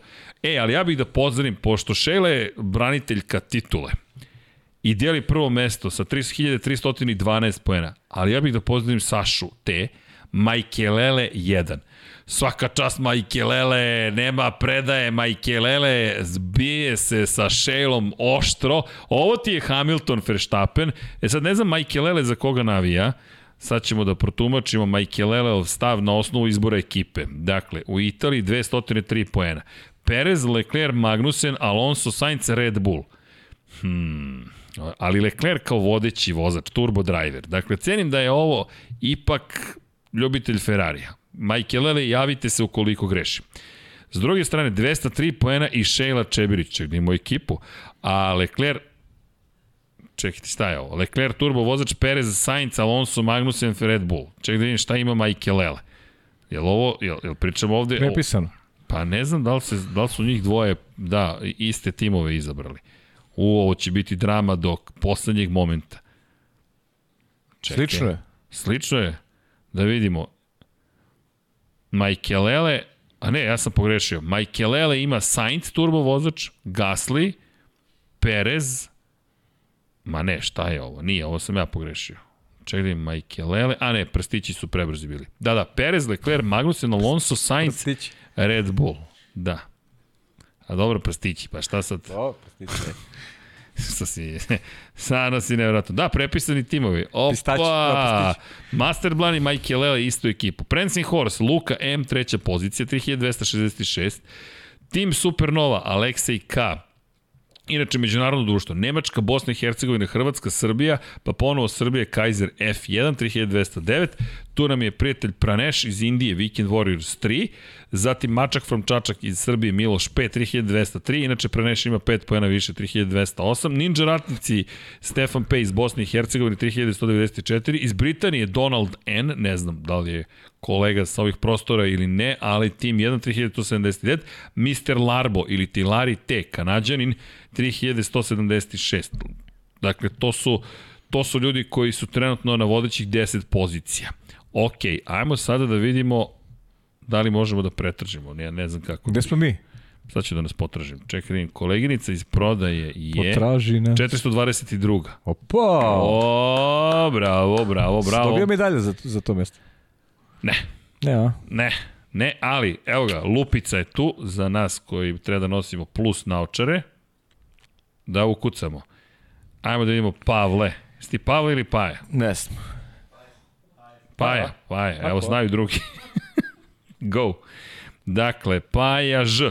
Ceni da ste tu ti. 1250 ti si. Dobro, Pajo, je li to dobro ili loše? To je fenomenalno. Čekaj da vidimo gde... S obzirom koliko radim na ekipi, Dejan fenomenalno. P. Dejan Potkonjak, da vidimo gde je Dejan P. Kome je Pop GP, nedelje? 1150. Opa, pretekao te Pop. Opa! Opa! Ovo nešto muti radnja. Muti, Muti radnja radnja. nešto. Čekaj da ima šta je taj radio na ovoj trci. Čekaj, čekaj da vidimo. Alonso, Bottas, Perez, Sainz, Leclerc, Ferrari. Pa ovde nešto, šta je on uradio u ovoj Ne, ne znam, Alon, pa nije, pa dobro, vidi. A turbo vozač Leclerc, pa Ferrari, Ferrari je tu pomogao. Perez je, dobro, Perez je mnogo pojena skupio, mislim mnogo, 30 pojena što je loše startovo. Alonso ga je koštao najviše. I čekaj da vidimo gde je moja malenkost. To će da potraje. Da vidimo gde se nalazimo u... Uh, uh, ne, taj vo... Uf, uf. Serc WF to ne, nema. Serce G. Ajmo, možeš ti to. 1990. O, pao sam. Sve da vidim ko ko, pa Alonso. Alonso. Pa minus 4. Svima je Alonso. A Sainz, Verstappen, pa dobro, super sam poene bio skupio. Šta je ovde? 177 poena, nisam toliko loš. Schumacher mi doneo poene. Nisi mi rekao koliko Tsunoda sam ja mi imao doneo pojena, nisi mi rekao ništa. E, čekaj, 177. Sad ne vraćam nas. Kaj, pazi, gasli u poenima, ja, ja, ja prošao loše. Kako to? Pa možda i, čekaj, možda su samo A, Bottas drugi. ne, Bottas. Ima Bottas. Pa dobro, nije ni. Evo ovako, Paja Ž. Sad ćemo da vidimo šta si imao. Sto, minus si više pojena od mene. Koliko? Pa ovako, Perez 30, Leclerc 70, 24 Norris, Gasly 17, Bottas 3 i Ferrari 52. Pa dobar si. 196 pojena. Osvojio si samo 7 pojena manje od Sheila i Michaelelea. Bravo, pa A evo. nazadovao sam. Bra... A ovi su ostali koristili mega drivere, razumeš, bonuse davali. Sad je trebalo da opališ bonus. S verom u Gaslija. Tako je. Sad ću opalim ja bonus u Singapuru. Kada ubaci Hamiltona, kada ubaci Hamiltona spisak i opalim bonus. E, ja, jel imaš pare za Hamiltona? Prodat ću nekog. Prva promena. Menjat ću ga sa Leclerom. Ej, jel skupiš ličice? Ne. Ne, dobro. Ne. Ne, a skuplju se ranije, naravno. Ne. Ne. Hoćeš Ćeš zajedno, hoćeš zajedno da A, skupimo, a? studijski. Ono po... Studijski, pa malo Ajde. lepimo. Ajde. Pa onda na terazije, kad budu vrteli boli, da mi tapke. A rano je za tapke, što smo, ne, nemamo ni album, čekaj, polako. Sve će mi to da sredimo, nema ništa da brineš. Elem, Formula 2. Formula 2. Bravo. Bravo. Ajmo, aplauz, ajmo, aplauz. Naš favorit. Felipe Drugović. Felipe Aston Martin. Felipe, Ast... bravo. Kakav vikend. Osvojiš titulu šampiona Formule 2, potpišeš za Aston Martin, nije loše. Vikend u stvari prosečan, ali uslovljen, Ali uslovljen onim što Teo Pušer radi loše već. Jedan period od kako smo se vratili na, na staze, ovaj drugi deo sezone loš za Teo. Nije morao Filipe da forsira. U, u petoj kvalifikacijama svako bio bolji od, od Tea. Zaradio kazu zbog ignorisanja žutih zastava i u toj opciji je startovo ispred. Ti si da. radio ti si radio tu sprint trku, ja nisam bio s tobom u kabini tada. Imao je taj incident. Završilo se u četvrtoj krivini, Tako zapravo je. petoj. Ali opet Teo nije bio poenima. Opet. Teo nije bio ne, Teo ni opet nije osvojio ni jedan jedini da, poen. to I to. u tom momentu je postao šampion Formule 2 Felipe Drugović. I rekao je, čudan je osjećaj, stojiš sa strane, gledaš i postaješ šampion. Ali nema veze, i dalje si šampion. Tako da je to bilo zasluženo, pozitivno. zasluženo, potpuno svaka čast momku. Dečko koji nema nema sponzore, nema ništa i podršku samo roditelja i došao titul u Formuli 2, baš jedinstven slučaj. Jedan, pa ajde kaže jedan od retkih, atipičnih yes. slučajeva kada govorimo o, o Formuli, Formuli 1, Formuli 2 tačnije i zato mi je drago što je pronašao uhlebljenje neko u Formula 1, da li može više od toga, je to je sad veliko pitanje. Da, to, to će biti posebna priča. Ok, Ti treba te, si, te si vozač, treba tu treba ćeš da... sina vlasnika ekipe da bi dobio priliku. Fernanda Alonso sigurno nećeš zameniti. Fernando će još tri godine da vozi. Da. To je malo teže, ali si ušao. Tu si, naš, na, na okusi, si. na okusi i možda se neka vrata otvore. Ti se šetaš kroz te da. garaže. Da. Drugo, je. ti ćeš upoznati kroz to Tota Wolfa koji je direktno povezan sa Aston tota Martinom. Wolf, upoznaćeš ti mnogo ljudi tamo. Sebastian Vettel ti je suvlasnik ekipe za koju voziš. Nije to tako loše društvo. I pa, tu dobro, si sa Lorenzom Strolom. Možda se malo promeni neka priča kada govorimo o Brazilu kao Znaš, možda i Brazilci malo emotivno Možda kažu čekaj sad, imamo neko ko je tu, neko novo lice. Možda je on, ta, on taj. Možda je on taj. Znaš, imaš Šence Fittipaldija, ok, to je porodično nasledđe, imaš Kaja Kolea i ti nemaš više Brazilaca u tim pratećim serijama. Trenutno ne. O, ovo je momak ipak u fokusu. I ušao je u Formuli 1. Ušao je. Bitno je da je Bravo. ušao. Tu je i... U Formuli 2 nije ni mogo da ostane, za oni koji eventualno ne nije, znaju, da. šampion Formule 2 ne može da brani titulu po pravilniku. Dakle, ne može. Vidjet ćemo šta čeka Teja Puršera, da li će on voziti još jednu godinu. On je svakako test vozač za Obera, to je Alfa Romeo. Negde smo pričali o njemu kao mogućem kandidatu iz Alpinu, ne znam šta je izbor za, za Teja. Juri Vips je pobedio u onoj trci Jeste. u sprintu. Prva pobeda ove sezone. Jeste, u glavnoj trci podsjetim, znaš da se zaboravi, ona trka mi je bila u glavnoj? Da, uspavala Džehan. ona trojka. Džehan, bravo. Džehan, prva, prva pobeda, pobeda ove da. sezone. Jedan i drugi prvu pobedu ove sezone. Prva pobeda Džehan. Džehan Daruvala, indijski vozač koji isto traži nekako da ode u Formulu 1, ali evo, on je bio tu, u Red Bullovom programu je, došao je Felipe, završio posao, preskočio ga, otišao dalje. Tako da, Daruvala prosto nije uradio dovoljno dobar posao ove godine i koliko god veliku podršku da imate, opet rezultate morate da ostvarite. A ne, imamo četiri druga mesta i ima mnogo trka nedovršenih nedovršenih u smislu šansi neiskorišćenih. Tako je. Tako nedovršenih. Ovo se sad malo otvorila se vrata, nije bilo te bitke, ni, ni Filipe, ni Teja, nije bilo i Pa nije bilo ni Jacka Duana koji uvek može da ti zagorči Bravo, život. nije bilo ni Jacka Duana. Eliminisan iz glavne trke. Tako je, tako je. Čovek koji... Dva puta ziradim eliminisan iz glavne trke Jack Duan.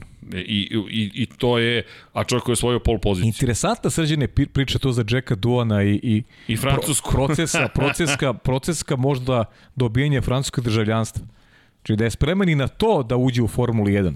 Moramo pratimo i, i njegove, često je on tamo sedi u garaži Alpine, ne treba uopšte... Snima ga kamera. Da, da, stalno je tu Vidjet ćemo. Interesantno mi je to, to priča. Michael Duan, inače, otac njegov, petostruki šampion sveta, 500 kubika, neka to je suštinski Moto Grand Prix kategorija po novom, po novom, već 20 godina se zove Moto Grand Prix, ali nije to malo prisustvo. Mick Duan sa sobom donosi jednu ozbiljnu reputaciju, privlači pažnju. U Australiji Mick Duan je izuzetno poštovan, a to vam treba. To vam treba da neko kod kuće vas podržava, imate neko tržište koje nije malo, nije, nije možda je brojčano malo, ali nije bezazleno, ima ozbiljan uticaj i još imate i Marka Webera koji traži nekog australijanca u celoj ovoj priči, Oskar Pjastri stiže, tako da i tu se slažu određene kockice, vrlo zanimljivo. Jeste. I treba, prosto treba pratiti šta će biti sa Jackom Donom. Treba. Ali da, u ovoj trci ga prosto nije bilo. I čudan vikend, generalno trkački, nekako sve je čudno bilo. Pa ja ću biti eksplicitni, dosadno je bilo.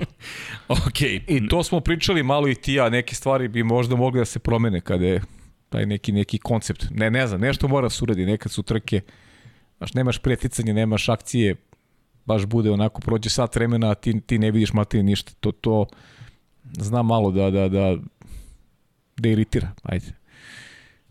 A da ne pričamo o trojci, a možemo lagano sa, sa ovim nekim ovo da pređemo na trojke. Zašto je meni trojka ove godine najinteresantnija? A, ne samo epilog sezone, epilog je generalno, to smo tumačili iz početka, nije toliko ni važan. Nije važan iz pogleda ove, ova tri momka koje želim da istaknem i, i u njima treba tražiti možda i buduće vozače Formula 1. Mislim Olivera Bermana, mislim ovog momka sa Barbadosa Melonija i mislim na Isaka Hadjara. A imamo tu i Romana Stanjeka, znamo koliko koliko Česi ulažu u automotosport. Češka je Češka u tom pogledu zaista ozbiljna zemlja i mnogo mnogo mnogo ulažu. Roman Stanjek je neko ko ima 18 e, godina. On je ispisnik, on je ispisnik uh,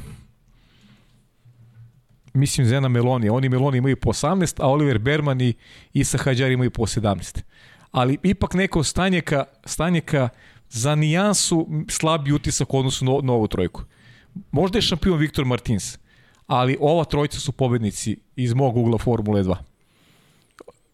Martins, Leclerc, to već, oni imaju po 21 Mi, godinu. Ajmo, to je, to je za to takmičenje, to je već onako Pazi, ozbiljan broj Leclerc godina. ima Real. prezime koje svi prepoznaju. Ima prezime, ali ova, moj, ova tri momka, to su debi, da ne zbavimo debitanti. Tako je, tako je, ali za Leclerc i Artura hoću, hoću nešto drugo kažem. Imaš prezime, s jedne strane ti to otvorilo vrate, to je bilo pozitivno. Sada već, kada pričamo o prezimenu, Da li on sa 21, 2, možda 3 godine, čak i sa prezimenom Leclerc, može neke stvari. Evo ga Luka Spasovski, dobar dan Luka. I, ej, Luka isto treba da nam Lukice. dođe. Naskar, jesi, jesi još uvijek u Naskaru? Ne, hoćeš sad, sad da, uska, da uskočiš playoff malo da nam... Jesi pratio playoff? Naskar? Da. Hoćeš iskreno? Da.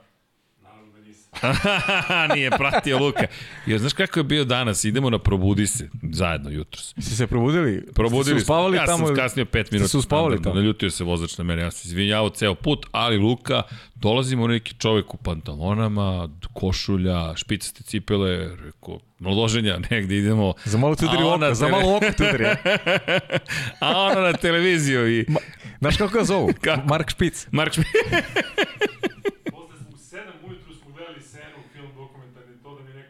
A? Da, da. E, bravo. Da, tako je, da, bravo. prave stvari da gledaš. Tako je, prave tako stvari. Je. Tako je, Lukice. Ne, da, nego šta? E, Meloni. O. Pazi, Meloni. Tri pobjede za redom u nejedini trkama. Dobro. Jel, jel treba neka bolja preporuka? ne, ne treba, ne, zaista Da li ćemo ga gledati na kraju godine u Abu Dhabi u Formuli 2? Siguran sam. I njega, i Bermana, i Hadjara.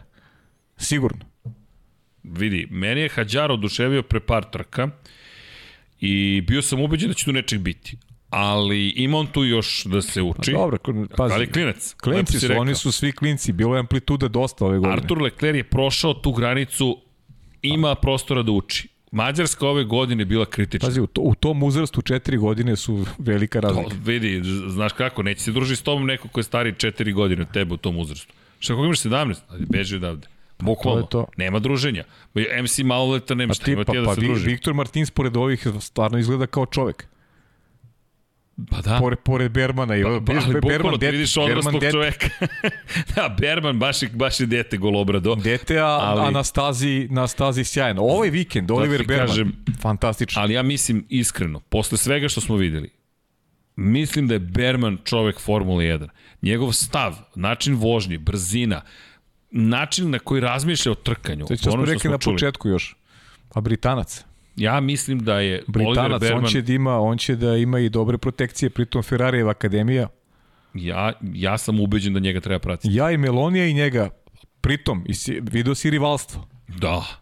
Berman, nije, da mu se, nije, nije to pogleda Melonija. Nije to da ga poprska šampanjcem, ma, ništa. Ma da ga Ignor, pogleda. potpuni, ne Pot, postojiš. Jer, jer on, je, on je njemu propastio priliku da osvoji titul. Zatvorio ga je na agresivan način, Tako nije je. prekršio pravilnik, ali možeš da kažeš čekaj, imaš, šta imaš, radiš? Imaš već ozbiljno rivalstvo. Tako je. I, I koliko god volimo i druženje i sve to, ali postoji ti momenti kada s nekim ne možete da budete drugar. Ne može. Nema prijateljstva. I to smo videli, Meloni koji takođe ignoriše Bermana, ba, ne zanima. To je ona priča čuvena iz onog sjajnog filma o Ferrari put do da. besmrtnosti. Sećaš se Monaka, Peter Collins i kako se zove šampion? Peter, Ho, Hotor. Ček, ček, uh, I Mike Hotor. I Mike, Mike Hotor, Hotor, da. koji su bili fenomenalni prijatelji i da je čak Enzo Ferrari dobio preporuke da ih otpusti. Jeste, da ih otpusti zbog toga što družili. su prijatelji, zašto su se previše družili. Da, da treba da ima rivale na stazi, a ne da ima prijatelji koji se raduju e, kada, jedan, kada drugi pobedi. Oni su malo to drugačije posmatrali. Tako je. I njihovo prijateljstvo generalno jedna prilično velika, jedna fenomenalna priča. E, ali ti vidiš ovde dva klinca koji već od njihovo, njihovo rivalstvo je već primetno. I ono će, ono će se širiti dalje. Ja sigurno u Formuli 2 već naredne godine ćemo gledati duel između Zena Malonija i, i Olivera Bermana. A ja bih tu uključio i Hadjara i dalje. Jer kao što Britanci znaju svoje talente da izguruju, tako znaju i Francuzi. Možda nije bio upečati u finišu godine, ali mislim da, da, da je njegova projekcija bolje nego Viktora Martinsa i Arturo Leclerc. a pričamo o toj francuskoj školi. Tako tako, ali samo da se razumemo, Francuzi imaju vrlo moćan lobi. Vrlo moćan uvek su imali. Da, da, i to i dalje postoji. Dakle, kada pogledaš, lobi francuski je izuzetno moćan. Ne govorimo o vremenima Žana Marije Balestre, ali obratite pažnju, vrlo moćan lobi. Neka ostane na tome, samo pratite i francuske vozače, pratite, imaju podršku. Imaju zaista ogromnu podršku. Tako da, kada pričamo i, i o Monci sada i šta se sve dešavalo i na nekim trkama ove sezone, kada vidite kako, kako su padale neke odluke, kaže čekaj, sve je vrlo jasno, to vam je potrebno i u sportu pa i u životu. Dakle, možemo da se lažemo, ali mi to zaista ne bismo volili. Lab 76 baš tome služi, da, da vas ne lažemo, kažite. Pa Ti i ja ne lažemo, ni na sport Ne. klubu, ni na Lab 76, pa ja ponekad uh, odu u jedan ekstrem i odem u drugi ekstrem. mi nikad ne zaobilazimo istinu. Tak, da, trudimo se. Ono laganje, znaš, to ružno zvuči. Ali bez veze. Bez veze, suočimo se sa nekim da. Stvarima i to je to. Ili, ako nemamo dokaze, kažemo nama se čini da je nešto postoji ili sumnjamo. Ali prosto obratite pažnju. Pa jo, smo nešto još Pa nismo, zaboravili. Naskar, nismo Naskar, zaboravili. ali- Aj da, Naskar, ajmo da spomenemo. Opet ti kažem da nisam gledao, ne, ne znam. Ja sam samo o, pročitao. Ne znam. Ali, E, znam, Baba Valas je pobedio. Da, da, ali- 18. različiti pobednik ove sezone. E, to S nisam znao, samo sam vidio da, da S pobetio. tim što, s tim što se on, on nije u igri, On nije, naravno. on je ispao, nije ušao u Da, nije play-off. ušao u play-off, ali, ali to u Naskaru, ako nisi u play-off, svi voze i boriš se za, za sebe, ali ovo se nije desilo nikad. Ali da li se- 18 različitih pobednika. Da, i ima još jedna stvar. Pošto je Eric Jones slavio na prethodnoj trci, a sada Baba Volas, a Da. ni jedan ni drugi nisu ušli Nisu u play-off. jeste. da će se Biće desiti drama. prvi put da nije pobedio na trećoj trci play-offa niko ko je ušao u play-off. Da. Da, to se Znaš- ni- nikad se nije desilo. To se svodi sada na poene. Kal Busch i da, na poene. Kal poene. ispod crte. Biće drama sad u posljednju. Baš je onako neprijatno. Da, Da, da. Kyle Busch, Austin Dillon, Chase Briscoe i Kevin Harvick su ispod crte. Tako je. Kevin Harvick koji ima dve nezavršene, tri nezavršene sad trke za redom. Kevin Harvick koji ima dve pobede, pa bio 12. pa sad tri nezavršene trke. Phantom ima ovde navijače svoje Kevin Harvick, ali... Ma, se mamin biti- Harvik. Ma... Važno što je čaleto. Da okrenemo skroz. Šalim se, Kevin- šalim. Kevin Da, da, da, sve mi jasno, sve mi jasno. Da, Vanja se vratio. Vanja u, u, u dukserici hla- hladno. Je li vam hladno ovde?